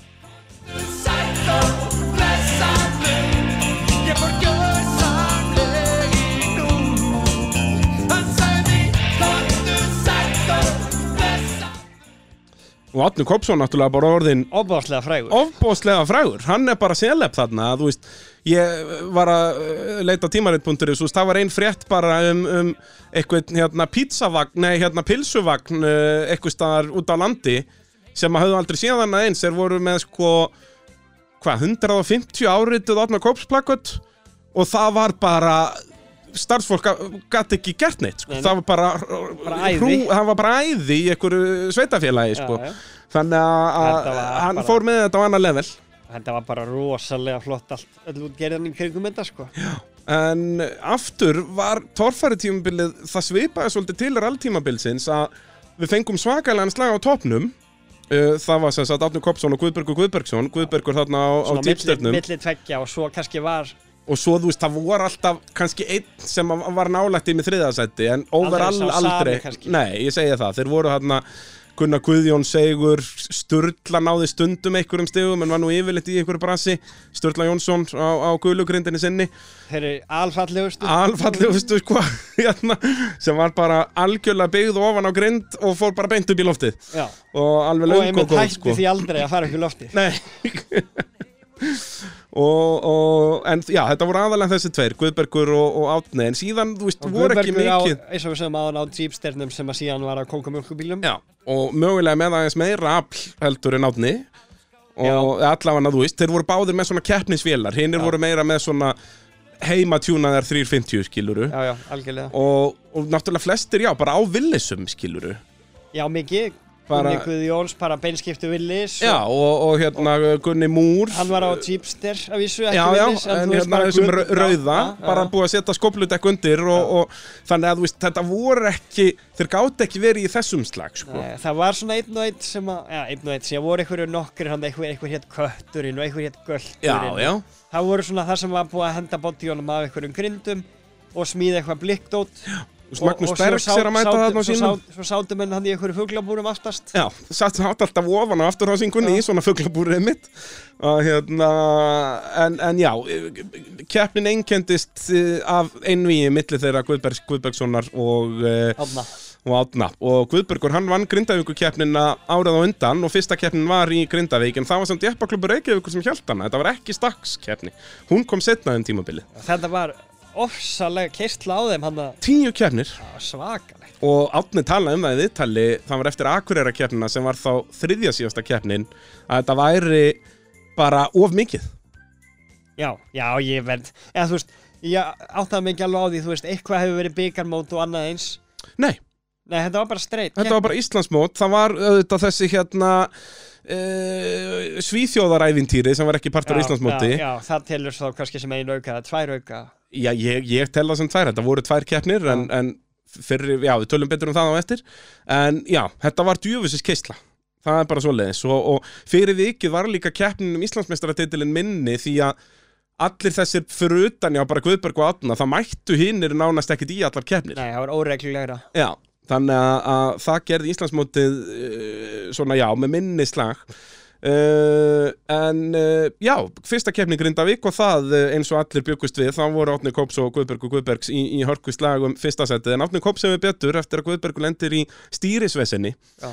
og þarna er, sko 1990 er svo áhugavert ár því að þarna eru við byrjaðir að, að breyta bílunum í það sem við þekkjum í dag eða svona, nær því sem við þekkjum í Já. dag en margar hverja brautirnar þarna og nánast, þú veist, 90% af brautunum eru ennþá svolítið 1985 Já, já. bara, þú veist, eins og ég man bara hérna í Grindavíku keppninni að aðal brautin sem var mest töluð um fyrir keppni var bara að keira upp fjallið bara Já. brekka. Bara, og það var bara held ég bara Gunnar Guðjóns á villisnum og það er bara svo stutt vilbeis og mjúk fjöðrun að hann komst ekki upp, hann byrjaði að hoppa skiluru, Já, já. annars bara keirðu allir hann upp bara líku við hagagangi, sko, út að þetta er valla brött brekka. Nei, ekki þannig halli á því, Nei, þú veist, jú, jú, þú erður þreyttur á að labba hann upp Já, en þú getur leikandi labbað hann upp. Já. Og þetta var bara torfærubraut, bara þetta er lengsta brautin og þeir fengu svaka tilhlaup og eitthvað búið að móka svona úr samt- hlýðuna ég brekkunni. ekki að fara að leggja það á brandinu að þurfa að fara að labba að Nei, ble, að þú veist, geðu mér einn dag kannski og nokkra bjóra, þá er ég toppmálum Já, sko. ok, alltaf leik góður. Uh, En svo var það Þórður Gunnarsson sem að vann uh, hérna Guttubílaflokkina, voru nú bara fjórir bílar skráðir þar. Og það var Vafsex Buick, kallið minn, í villisnum með honum. Já, Það er gamli skólinn, sko þetta, súmót, sámótor Já, held ég að hafi verið að ég sé ekki ljúa, það var allavega gamli keppnismótorinn í villisnum, dökk hérna græna, hermanna græna. Já, gamli keppnismótorinn var á vélastandi til sínis hliðin á síningunni það er svoleiðis? Já, já. Það er og geggja það var búið að líma á hann aftur gömlu bíla på benna. Hann ég var- sá það. hann var búið að smíða hann hann var í svona halla og hann var ótrúlega og síðan var hann líka ég sá hann líka í vor á fjóru sinni fjóri síningu Já, þar var búið að smíða eins og að vera að fara fram að snjóhengju. Já. þeir eru alveg þvílíkt metnaðfullir feðgarnir í þessu. Já, að gera þetta flott, Já, skilur að þetta sé síning Já, já. þetta er ekki bara bíl Já, bara akkurat að setja í handbremsu, skilur uh, og svo náttúrulega sko Stefán Gunnarsson var að keppa þarna líka var ríkjandi Íslandsmeistar í Guttibílaflokki með Pepsi-flöskuna í veldibúrinu Pepsi-flöskarni í Veldibúri og þetta sett villi sem var líka á sýningunni. Þetta er hérna guli, hvíti og rauði. Já. Að hérna geggjaða bíl í alla staði á og, þeim tíma var hann blár, hvítur og rauður. Já, en þú veist, já, í því já, bara franski fánin og ská. Uh, geggjað apparat.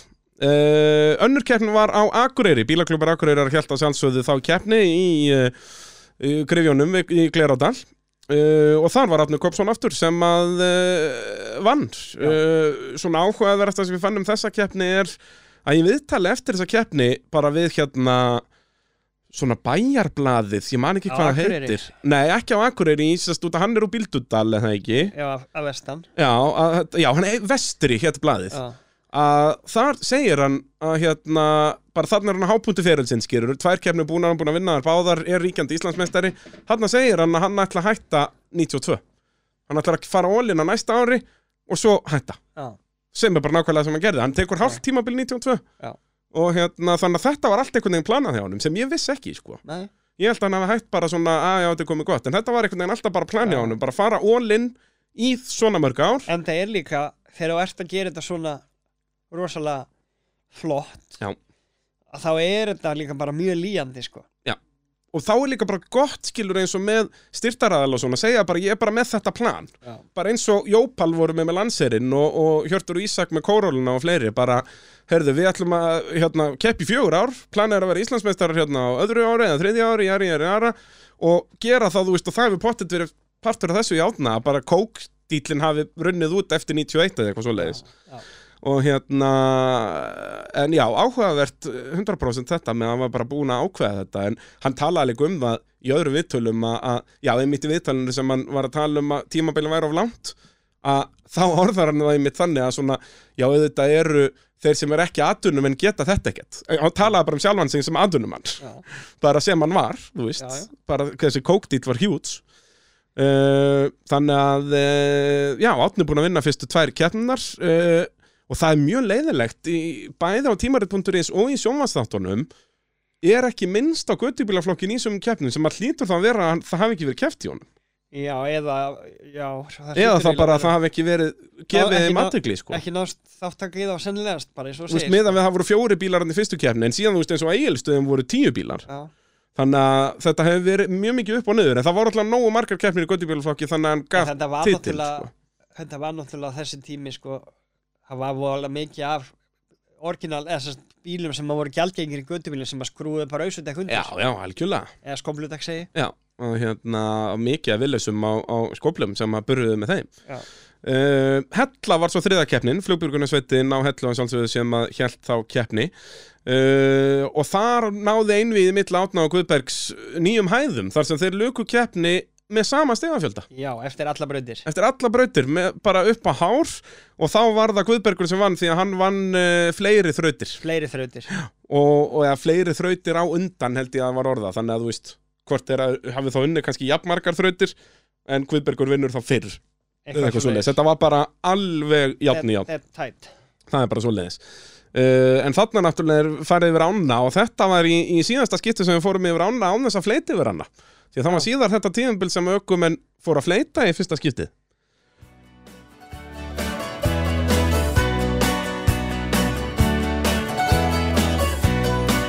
Er við hendum öðru eðal nýtaskalagi í gang uh, af þessari dásanlega plötu sem kom út árið 1990 uh, Næsta keppni, sko, nú verð ég að viðurkenna að ég er, uh, sko, upprunlega bókaldið mitt held ég að sé rámt hvað þetta varðar. Ég skráði eigilstaðakeppni hérna, ég held að það hafi verið eigilstaðakeppni sem ég veit ekki hvernig fór nema jú, Átni Kopsson vann sem að kemur svo sem fáum á óvart. En ég held að þess eigilstaðakeppni hafi verið að það hefði sérst verið önnur eigilstaðakeppni síðar á tímabilinu. En, en Átni Kopsson sérst, það voru tvær eigilstaðakeppnir sem að start hjælt og þú verður ekki alveg viss hvort upplýsingarnar séu fyrir fyrir eða setni Já, en ég held að þetta sé rétt, sko, Átni Kopsson vinnur þessa uh, og þetta er sérst keppnin fræga sem að Gunnar Guðjóns flýtur yfir allan pollin og eigilstöðum og þetta er í fyrsta skipti sem við sjáum alvöru Fleyting. hydroplaning og það menn höfðu alveg komið á ferð í vatn og síðan sokki, já, skoppað aðeins. En þú veist eins og Átni Kopsson fleitt ekki yfir hann var með það mjúka fjöðrun, hann byrjaði að hoppa og skoppa náði ekki að fara alla leiðin yfir. En þetta er þetta fræga moment sem að hefur svo sannarlega breytt bara, torfærisögni já, algjörlega, það var Gunnar Guðjóns á, á villisnum fræga sem að síðar varð Pizza 67 vi- villisinn, Kókomjólkur villisinn Green Thunder. Þarna var hann Pepsi mertur ef ég maður já, Pepsi og Bílóp og Benna Já. hann var, hann var aðal sponsandir hann uh, þetta tíðumbilið Sáldrandi brjáli. Sáldrandi brjáli, takk eftir því. Ó já,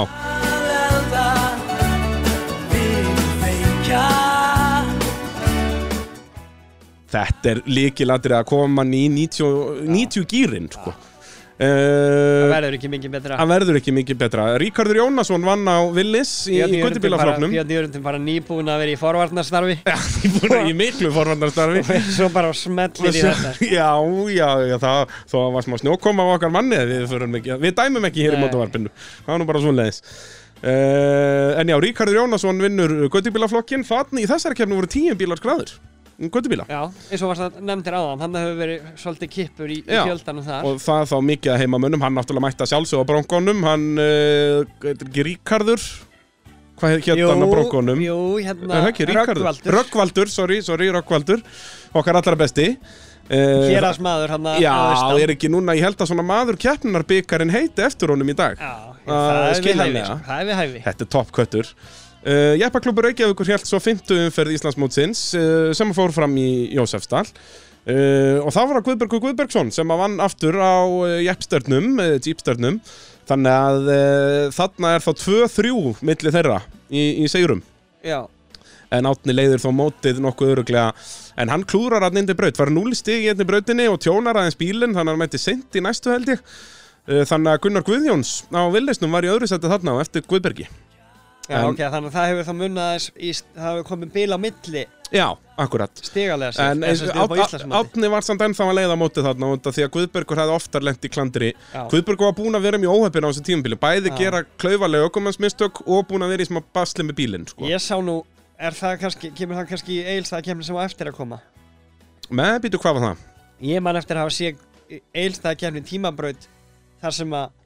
Guðbergur veldur, fer út úr bílnum, hjálpar til við að rétta hann af, hoppa svo og upp upp í hann aftur og, og að sín andamarki á þess að fara í beltin eða neitt sko. Já, ég held að það sé í setni keppni En eins og ég segi, þessar eigilstaði keppnir Blönduðu staðið saman. Já, blönduðu staðið saman í bókaldinu á mér sko Ég byrst afsökunar á því En svo var það ríkjandi Íslandsmeistarinn í Götubílafloknum Stefán Gunnarsson sem vann á uh, sínum uh, Á Pepsi-flöskunni. Á Pepsi-flösku Þann, Var hann komið Pepsi-flöskuna þarna? eða? Ég man ekki, það var á einhver, einhverju tímapunkti hann sem þetta var eitthvað lukkumerki sko. Já, já, Ég sá akkurat. eina keppni, það var frá því í lok tímabilsins í Grindavík.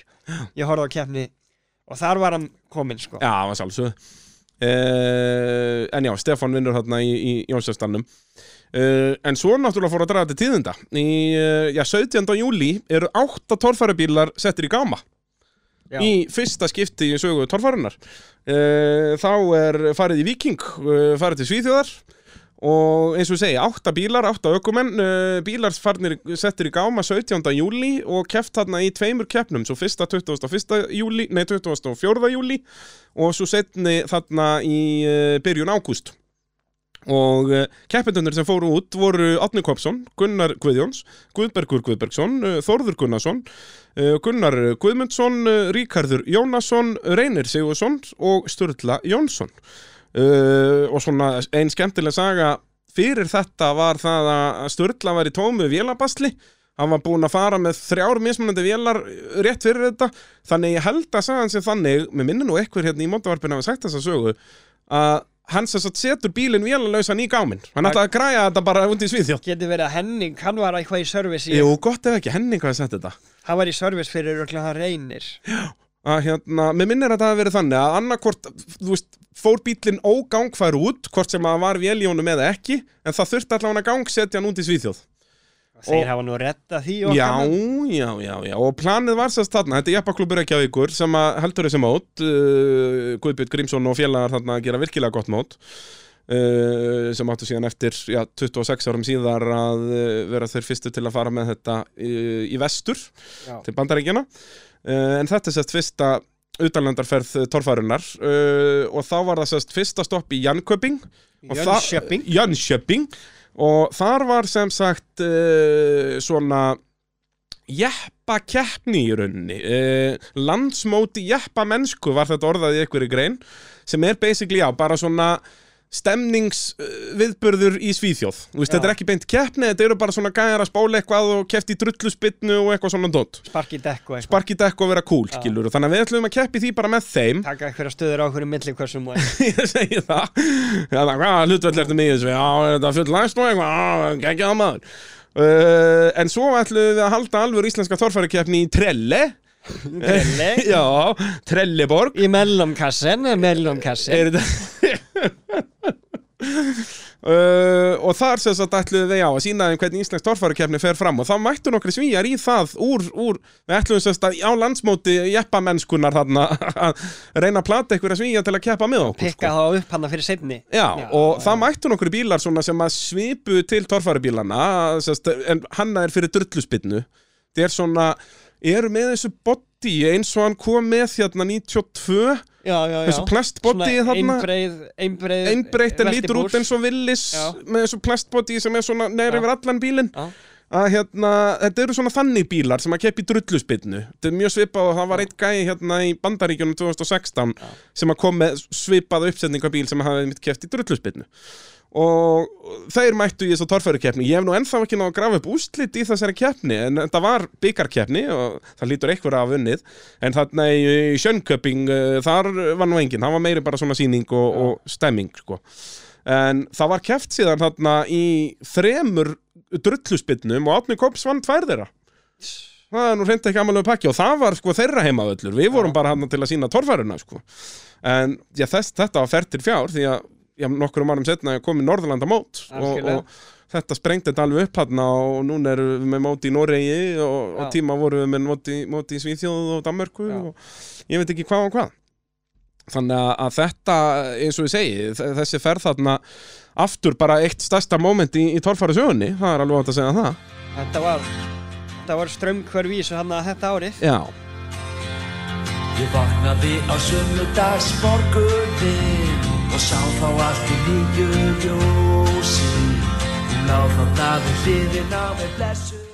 og greifarnir uh, halda áfram að gera gott mót 1990 Nei, Það er nú bara svoleiðis, fristikistu lagið A Timeless Classic.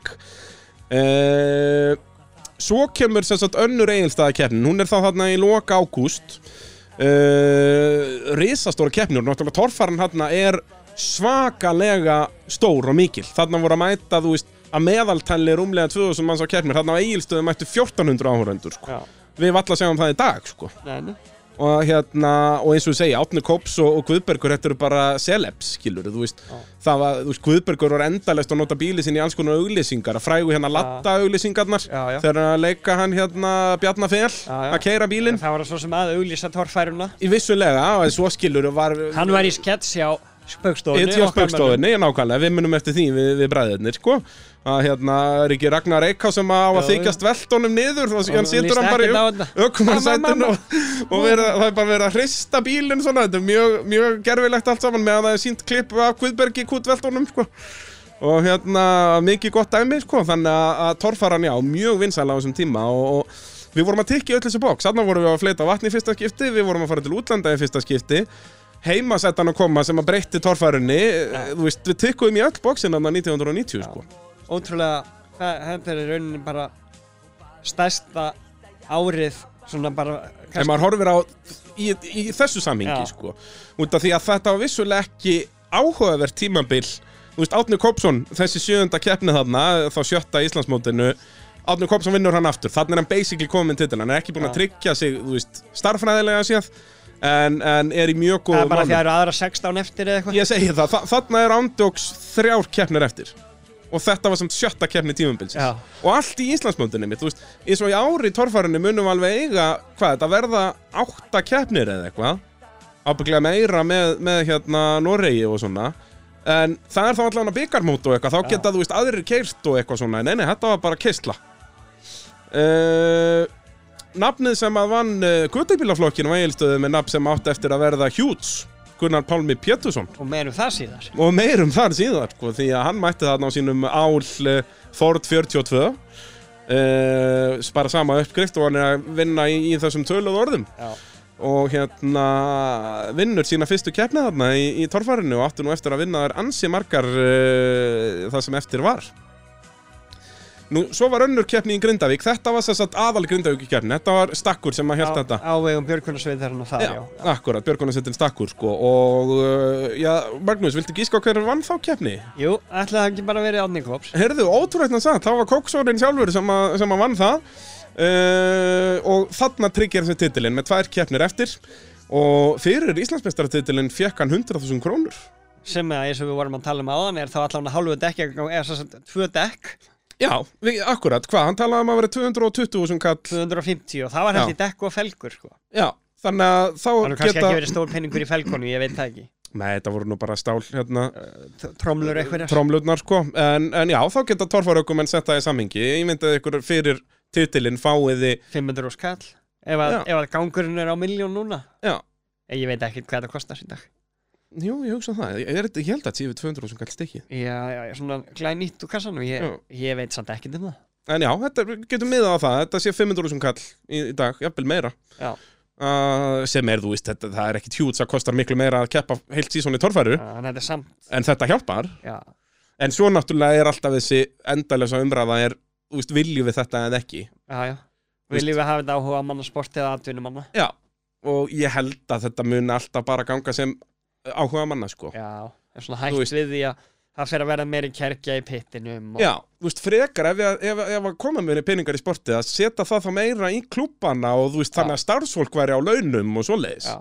en þú veist, þá kannski eru keppendur meira, þú veist, það eru Já, keppendur sem eru að skemma bíluna sína getum- fyrir okkar skemmtun. Við getum byrjað á því kannski að það kosti ekki að taka þátt í keppninni. Já, heldur færið kannski eitthvað smáur já, fyrir, að það, mæta fyrir að mæta og svo kannski má vera með smá laun á starfsfólk og Já. þú veist kannski í best staðin að fyrir að fara með þetta allt bara í, heyrðu, bara Íslandsmeistarinn Já. tekur allan peningin dreifa sko. kökuna eða svona en svo er aftur á móti líka flott eins og hefur oft verið bara sponsað bara innegn og nota hjá AB varalundum En ég minna náttúrulega áður en við getum byrjað að tala um þetta þá náttúrulega, þú veist, fyrstu 5 miljónirnar sem myndu koma inn í bara eina keppni myndu bara fara í markaðsefni og dót, bara til að stækka sportið, sko, Já. áður en við förum að gefa einhverjum, eða þú veist, þannig myndi ég sjá þetta fyrir mér. Já, það er rétt sko. Þú veist, ef þú ert með, þú veist, 2 miljón krónar marketing budget fyrir torfærukeppni, þá ætti ekki vera mikið vandamál að fá 5.000 manns að þá keppni, sko.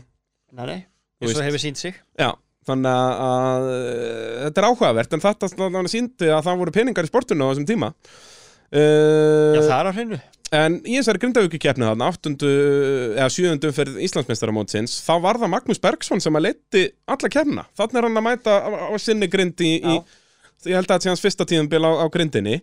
Uh, en svo bara í síðustu braut er hann bara með eitthvað gangtrúblanir. Hann var komin upp erfiðasta standlinn, átti bara svona eftir að keira upp smá og brekku svo hefur ekki blandungunni þóla hallan eða eitthvað? Eitthvað svoleiði sko, hann bara frettar þarna og Átni klárar þetta sko, eftir að Átni lendi í smá baslega þarna framan af og, og Guðbergur sem er leiðis, það voru tvær brautir sem hann klúraði þarna, Já.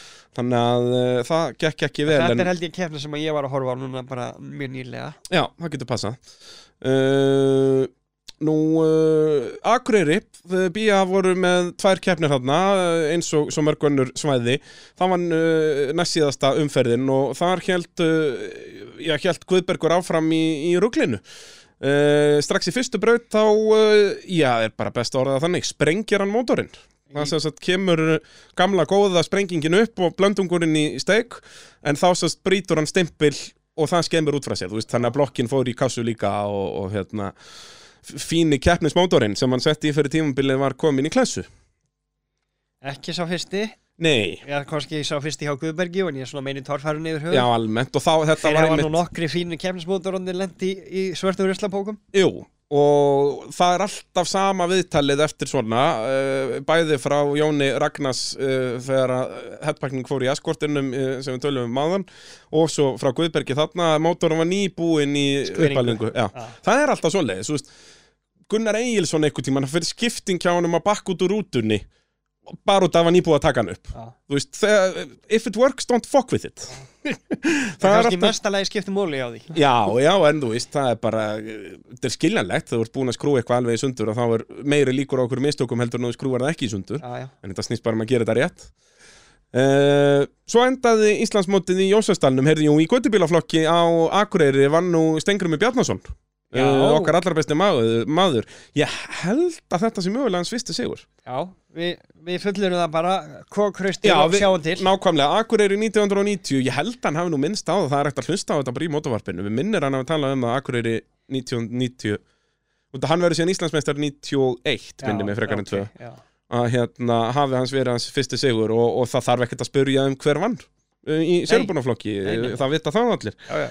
Uh, í lokakeppni í Jósastal, uh, þarna eins og við segi Íslandsmóti var áðið uh, og þarna er Sest, nei, Íslandsmótið í göttubílaflokki er sennilega ekki ráðið þannig lokakeppninni en þar vinnur Stefán Gunnarsson á sínu villis og tryggir sér þar með titilinn. Í, í göttubílaflokki Í göttubíla, já. Uh, og er þar með fyrstu ökumæðurinn í sögunni til að verja titil sín í göttubílaflokki og það var ekkert byrjað að keppa í göttubílaflokki Nei. fyrir en 85 held ég. Já, já, þetta var bara torfæra Já, já, enda voru bílarnir, Já, já. allir já. fyrir það. Uh, Þannig að hann er svo fyrstu til að verja titil og það gerir síðan ekkert aftur fyrir uh, að Já, fyrir nefndur Gunnar Palmi Pétursson gerði það árið 1997 vinnur sérst 96 og 97 Já, back to back. Já, uh, hérna, þá náði enginn þessum árangri sem að Stefán Gunnarsson gerði 1990 uh, En í þessar loka keppni vorum við með uh, nýjan sigurvera vissulega á heimasætunni en á gömlu heimasætunni. Það var Stefán Sigursson uh, sem að breytti þessum bíl síðan í, í skuttluna það ekki? Algjör heiðarleiki en þá Ég var Já. að horfa á þessa keppni núna nýlega Þannig er bara, þetta er gamla ljóta heimasætan Já. búið að búið að mála hana Það er bláa bara, það er bara gamla góða hérna, fuglabúrið aftast Já. Svo er eitthvað blikkplötur svona hingað og þangað Já, literally bara bíl og benna skilti Hann Já. har bara fengið skilti, stólið í okkur ringtorki og skrúað hlið, á hliðin á Og bílum svo snú líka sko stærsta auðlýsingin var uh, Ármúlin representing Vassrúm Vassrúm, ó. Þetta var ekki eitthvað vók fyrir heimilið. Nei, Þetta var bara vassrúm. Vassrúm, búm. Á henni hliðinni, sængur Þannig að þetta var bara algjör veistla Já, Jón, já. Jón Ragnar sagði að hann hlýtti að vera alveg út kvildur Já, ekki. Mikið gott dæmi, sko. En já, Stefán Sigursson endar á að vinna þessa keppnu Hann hafði alveg verið í toppslagnum í nokkrum keppnum hann á segja, bara á gömlu heimasættinu ökumaður. Og átt eftir að vinna held ég eina tvær keppnir í viðbót. Ég held að hann vinnur eina heimakeppni, er hann ekki frá Egilstöðum? Jú, hann er hann nú hér að nýjú Já, og hérna, gott ef ekki 91 eða 2 vinnur hann heimakeppnina. Og síðan selur hann þessum bíl held ég stöð 2 ég held að Ah. stöð 2 hafi keift þennan bíl gott ef hann var ekki 91 eða 92 og svo Já, samt sko 91 keppir hann á honum þá er hann búin Já. að setja nýja bodyið þá er orðið skuttlan sko, Nýja veltibúri og nýja bodyið og orðin bara flottur bíl Kannski 92 þá. Og síðan náttúrulega var þetta þetta var fyrst RC skuttlan, RC Cola og svo náttúrulega Nesquik skuttlan hjá Ásker Jamil já. Já, hún var náttúrulega fyrst bara svona ljósblá hjá Áskir Já, já uh, Og já, í þessari loka keppni að þá, uh, út af Guðbergur áttur náttúrulega ekki sens á titli að þá er það Kristín Birna, konan sem að keirir uh, dýpstærin Já, en vel gert líka samt að þú veist, síðasta keppnin nýbúið að sprengja mótorinn, það er nú margir sem hefur bara ba- bakkað inn í skúr. Já, en ekki Guðbergur. Þa, Það er maður sem ég verið að fá í podcast Já, það er á hreinu kóngur, sko. þannig er hann náttúrulega líka búin að vera að keppa hellingir allir með Jón S á Porsinum Já. og fer síðan að keira sjálfur í rally Og og verður markvældur Íslandsfendur rallycrossi og bara er búin að vera í aðar íþróttum, fjóra vélsleð átti við þeir, skilur bara kom í Motoring World með Jeremy Clarkson Já. og bara þetta er alvöru legend sko. Þannig að ég þarf að rífa mig í gang og heyri Guðbergi, er nú bara svoleiðis. Og ég er nú búin að heyri Ásker Jamil hann, eh, von á honum í spjalla á næstunni. Robert? Þannig að, að það er alltaf gerast hér í, í mótorvarpinu. En uh, jú, það var Átni Kopsson sem enda á að tryggja sér titilinn í sérubúnaflokknum og Stefán Gunnarsson varði Íslandsmeistari í göttubílaflokki og þar með svona líkur þessari yfirferð frá eh, árinu 1990 Uh, hvernig, hvernig, hvernig leist þér á þetta? Þetta er bara veistla. Erum við ekki endið þetta á Bumba, sínendunni Er það svoleiðis? Uh, það, er- það er óskalag frá uh, Magnúsi bróðum mínum Þetta vissir það, þetta er ekki, þetta er coverlag Er það svoleiðis? Já, þetta er eitthvað lag, eitthvað amerískur amerískt svona söngarskáld eitthvað að vera að syngja um eitthvað Mexika, Mexikana Já, býtu, er- erum við að hlusta á live? Er það? Mér heyrist það, það er verið að klappa fyrir okkur Það er nú bara svoleiðis. Uh, Ég vil bara þakka styrtaralun kærlega fyrir Bíljöfur, bílapunkturinn, uh, AP varahlutir og á ferð og flugi. Magnús, uh, þakka þér fyrir þennan þátt og, og að undirbúa þetta með mér. Og það var bara 1991 næsta á dagskráið, þegar ekki? Mín var ánægðan gaman að þessu. Milli óla og nýjás um nótt við komum inn í stingskölda slittu og ég Sýneta hétt skipið sem skreið við landið með skaddað stýri og laska